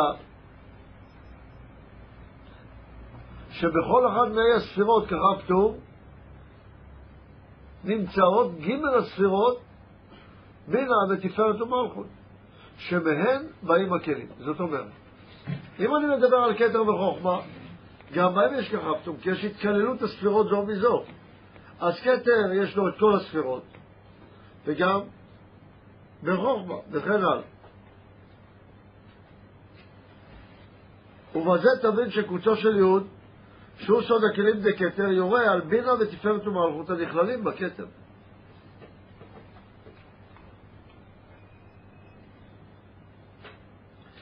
אז איך אני יכול לומר בכל זאת שיש כלים בכתר? כלי זה אומר שיש לי מודעות. בלי מודעות אין לי כלי. איך יכול להיות לי מודעות למחשבה? לכתר. יכולה להיות לי מודעות רק אם אני אסתכל על ההתקללות של הכתר מהמחש... מהמודעות. איך יכול להיות לי מודעות לגוף? אם תהיה לי התקללות של הגוף ממודעות. מבינה ומטה. אם אני לא אדע את הגוף, למשל אני בחוסר הכרה, ואין לי הכרה של הדבר, אין לי כלי. אבל היות והגוף, יש קשר בינו לבין הראש, אז גם בראש יש לי את הגוף של הראש. יש לי את ההרגשה שבשכל, אחרת לא הייתי מרגיש את השכל. צריכים לדעת שכל איבר פרטי מרגיש את הכללות, וכל כללות מרגישה את האיבר הפרטי. אחרת זה לא גוף אחד. אחרת זה לא דבר אחד. היד מרגישה את הגוף, והגוף מרגיש את היד. אחרת היד לא עובד בשביל הגוף, והגוף לא היה מזין את היד.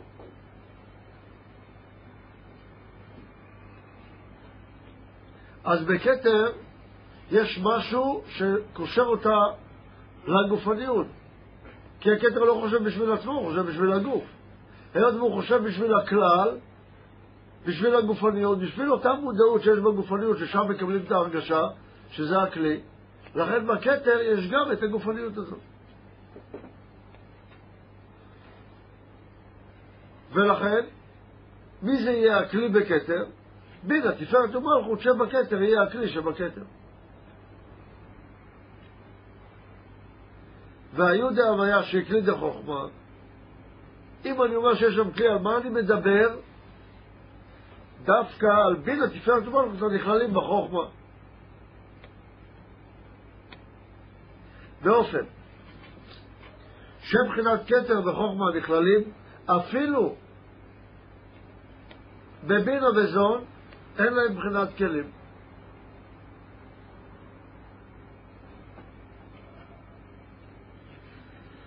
אז בכל מקום אני לא תופס את כתר וחוכמה, אבל אני כן תופס את הבן התפארת ומלכות שבאותו מקום. אז לכאורה הייתי חושב שאולי אני תופס את כתר וחוכמה של הגוף, אבל גם שם אני לא תופס. ובחינת בינה ותפארת ומלכות הנכללים, אפילו בכתר חוכמה נוהג בהם מבחינת כלים.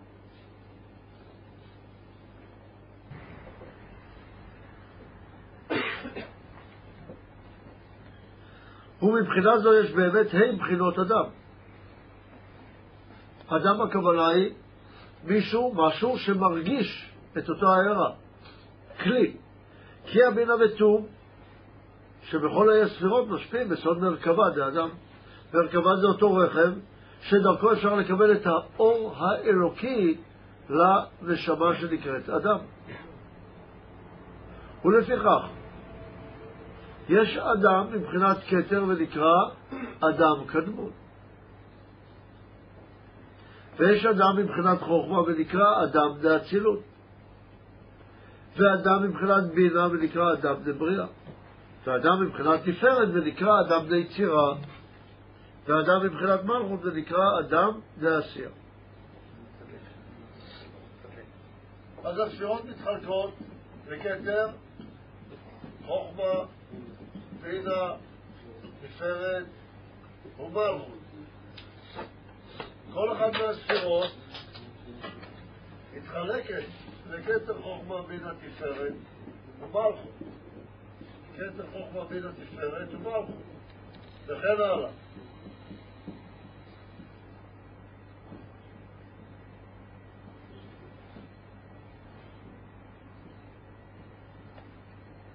מה הוא אומר לנו?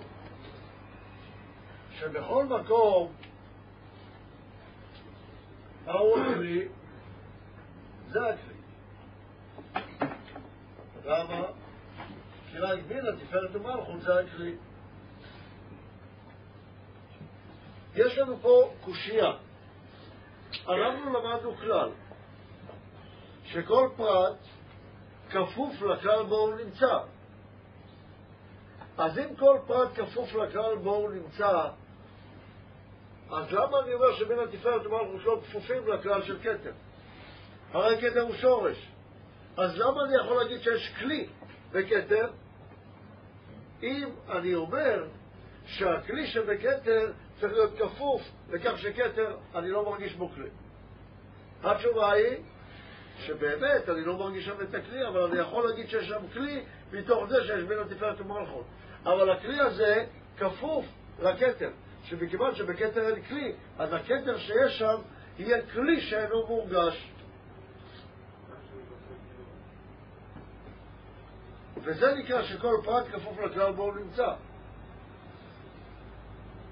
לכן אני לא מרגיש את הכלי הזה ולא את הכלי הזה, מכיוון שכאשר אני אומר שכתר הוא קוצו של יוד, אין לו בכלל עוד, ויוד זה רק נקודה. ונקודה, כמה היא קטנה, כמה חומר יש בו שנקרא כלי, כמה היוד היא קטנה, כמה שתעשה את הנקודה הקטנה, אתה יכול לחצות אותה. ואת החצי אתה גם יכול לחצות. עד איפה? עד הנקודה הקטנה ביותר, שלכן היא נחשבת לכך שלא רואים אותה. ורק מה-A מתחיל להיות שטח, שאותו אני יכול לתפוס. ולכן רק מפה בעצם יש כלים. ובדלת בחינות דור ישר, זה ברור לנו מאוד. כי בדלת בחינות דור ישר למדנו שהמודעות, דהיינו ההשתוקקות, או הרגש הרצון, מתחיל רק מבינה ומטה. זה לא שאין רצון בכתר, יש, רק הוא לא מורגש. ואם הוא לא מורגש כרצון, אי אפשר לקבל בו אור שאני ארגיש את האור. לכן מתי אני ארגיש את האור? רק איפה שאני מרגיש את הרצון. רוצה לומר, מבינה ולמטה מרגישים את הרצון, הוא לא נקרא כלי. ואם אני לא מרגיש את הרצון, מבחינתי אין כלי, אבל מבחינתי אין כלי. באופן מושכל אני יכול להגיד שיש שם כלי. אבל בעצם זה... רק רגע? בבקשה. בעצם זה סתם איזה... זה לכאורה איזושהי בריחה מה- מהשאלה. אנחנו שאלנו שבכתר וחוכמה אין כלים. ואז אמרנו שבכתר וחוכמה הכלים שיש זה בינה תפארת ומלכות. אבל אם אני אסתכל רק על ההוויה של כתר, על י' כו' כשיש בכתר, שוב פעם חסר לי שם שתי כלים. ואם אני שוב פעם אפרט את זה ואגיד שה- שהיוד וה... והקוצו של יוד שבכתר זה הבינה תפארת ומלכות, צריכה להיות איזושהי נקודה ראשונית ששם אני אגיד שאין כלים, שאין יוד וקוצו של יוד. אז מה אדיר שואל? הוא שואל באיזה מסגרת אנחנו מדברים. ככל שאני אלך ואפרוט את המסגרת יותר, בסוף אני אגיע לכך שהתחלתי מכתר וחוכמה. אז בכתר וחוכמה הזה לא יהיה כלי. אז יש מקום שאין בו כלי בכתר וחוכמה. למשל, אם אני אומר שיש כתר וחוכמה בינה תפארת ומלכות, אז אני אומר תפארת ומלכות, מיני בינה ומטה, יש כלי, אבל בכתר וחוכמה אין כלי. אה, אבל יש שם כלי, למה? כי גם הן מפורטות. ואם אני הולך לפירוט שלהם, אז לכאורה, אני אומר שבהם אין כלי. אז הוא אומר, לא, לא, גם שם אני אגיד שיש פירוט וגם שם יש כלי דכלי.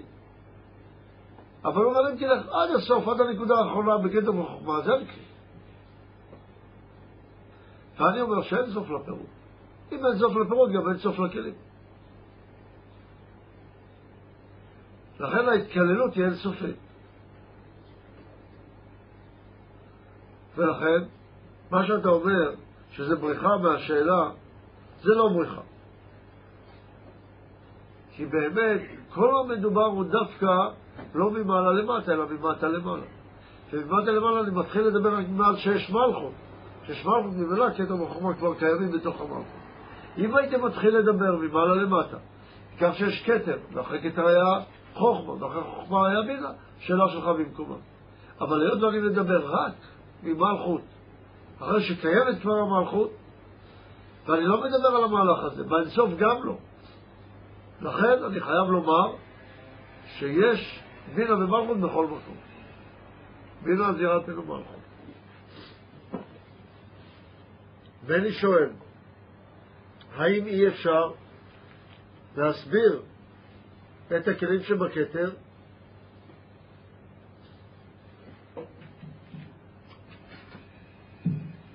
עוד פעם, בני שואל,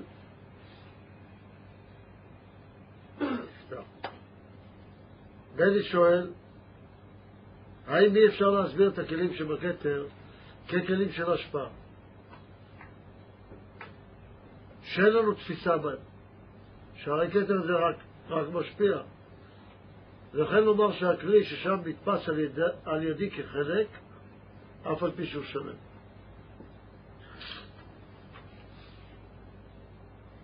האם כשאני משפיע אני יכול ליהנות או לא? אם אני יכול ליהנות, יש שם כלי. האם יש רצון בכלים להשפעה? או שאני אומר, אם אני משפיע אז אני לא נהנה. חס ושלום לומר כך. ודאי אני נהנה. לכן יש שם רצון. איך אני לומד שיש שם רצון? היות וגם שם יש תפארת בין התפארת ומלכות. נכון, לכן אני גם יכול לומר, היות ואני מדבר על כתר וחוכמה, אז אני אומר שזה כלים של השפעה, זה רצונות של השפעה. לכן הם נקראים רצונות של השפעה, ולא רצונות של קבלה, אבל הם עדיין רצונות ולכן יש שם כלים. אה, האם זה גם איכויות שונות וגם מינונים שונים, או שזה אותם איכויות ברמות האלה ואותם מינונים? זה גם וגם, השאלה על מה מדברים. למשל בפרצופים בתוך אותו עולם יש איכויות שונות. אבל אם אני מסתכל על עולם ביחס לעולם, אז כל אותו עולם זה אותה איכות. למשל, כל אק זה רק יחידה. ואז אני אומר שהכל זה אותו דבר, וההבדל הוא רק כמותי שם. אבל אני מסתכל רק על העולם באופן פרטי, אז אני אומר שיש הבדל איכותי ביניהם. למשל, כל אלה שמתעסקים בהייטק, יש להם איכות מסוימת. אם אני מסתכל עליהם, אז אני אומר, יש מהנדס, יש הנדסאי, יש טכנאי, ויש עובדים פשוטים. אז השאלה היא על מה אני מדבר. לפי המסגרת שבה אני מדבר, אני יכול לדבר על איכויות, אבל עיקר ההבדל הוא באיכויות השונות. של מה? של סוג הכלי. של סוג המודעות להרגש. המודעות הגבוהה ביותר להרגש תהיה במערכות.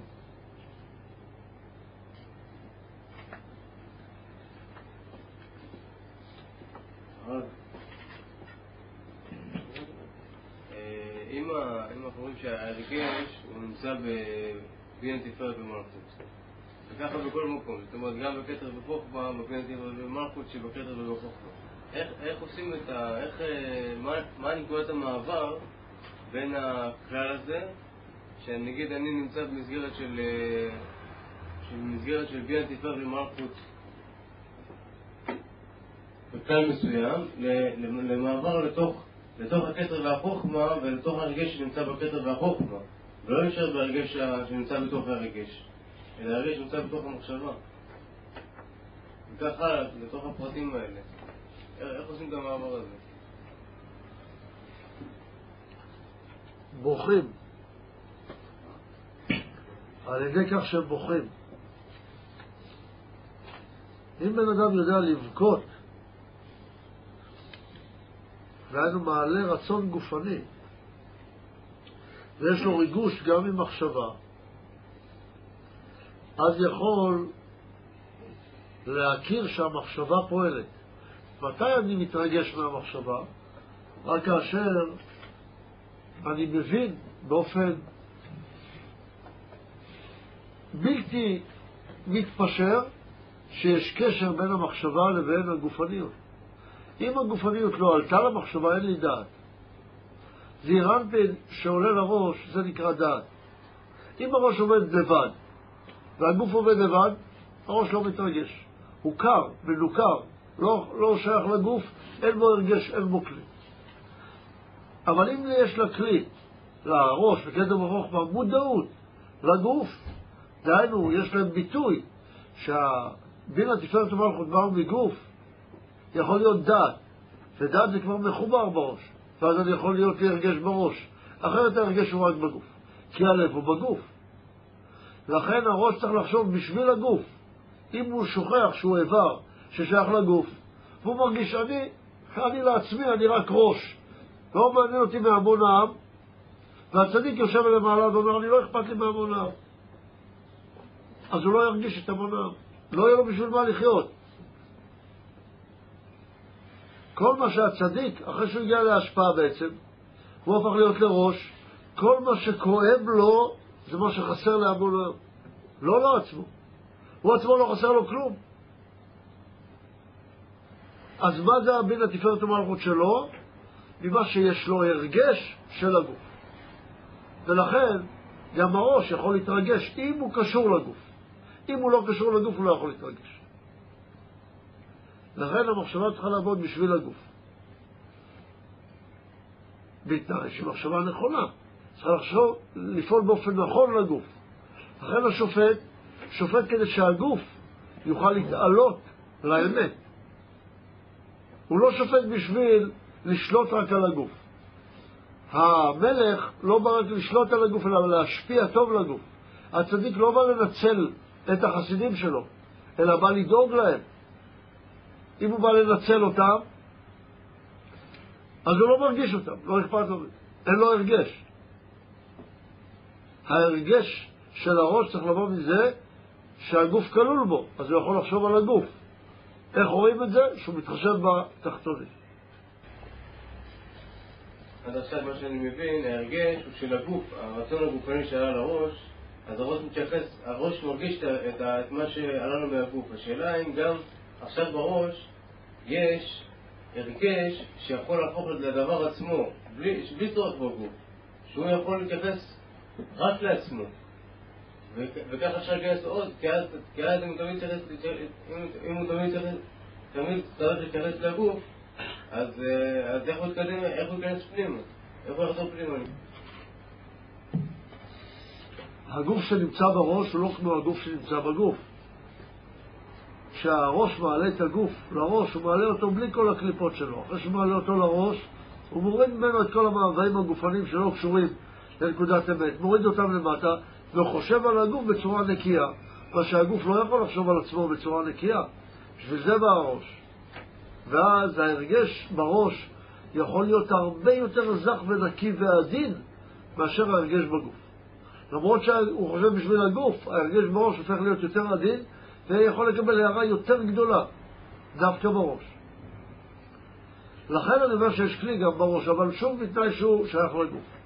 אני לא ראיתי, וגם לא תהיה מציאות כזאת, שיהיה מציאות רק של ראשים. תראה גולגלות בעולם. אלא הגולגלות צריכות גם רגליים. רק מה שהגרון שלנו לאט לאט יתפתח, יהיה יותר ויותר רחב.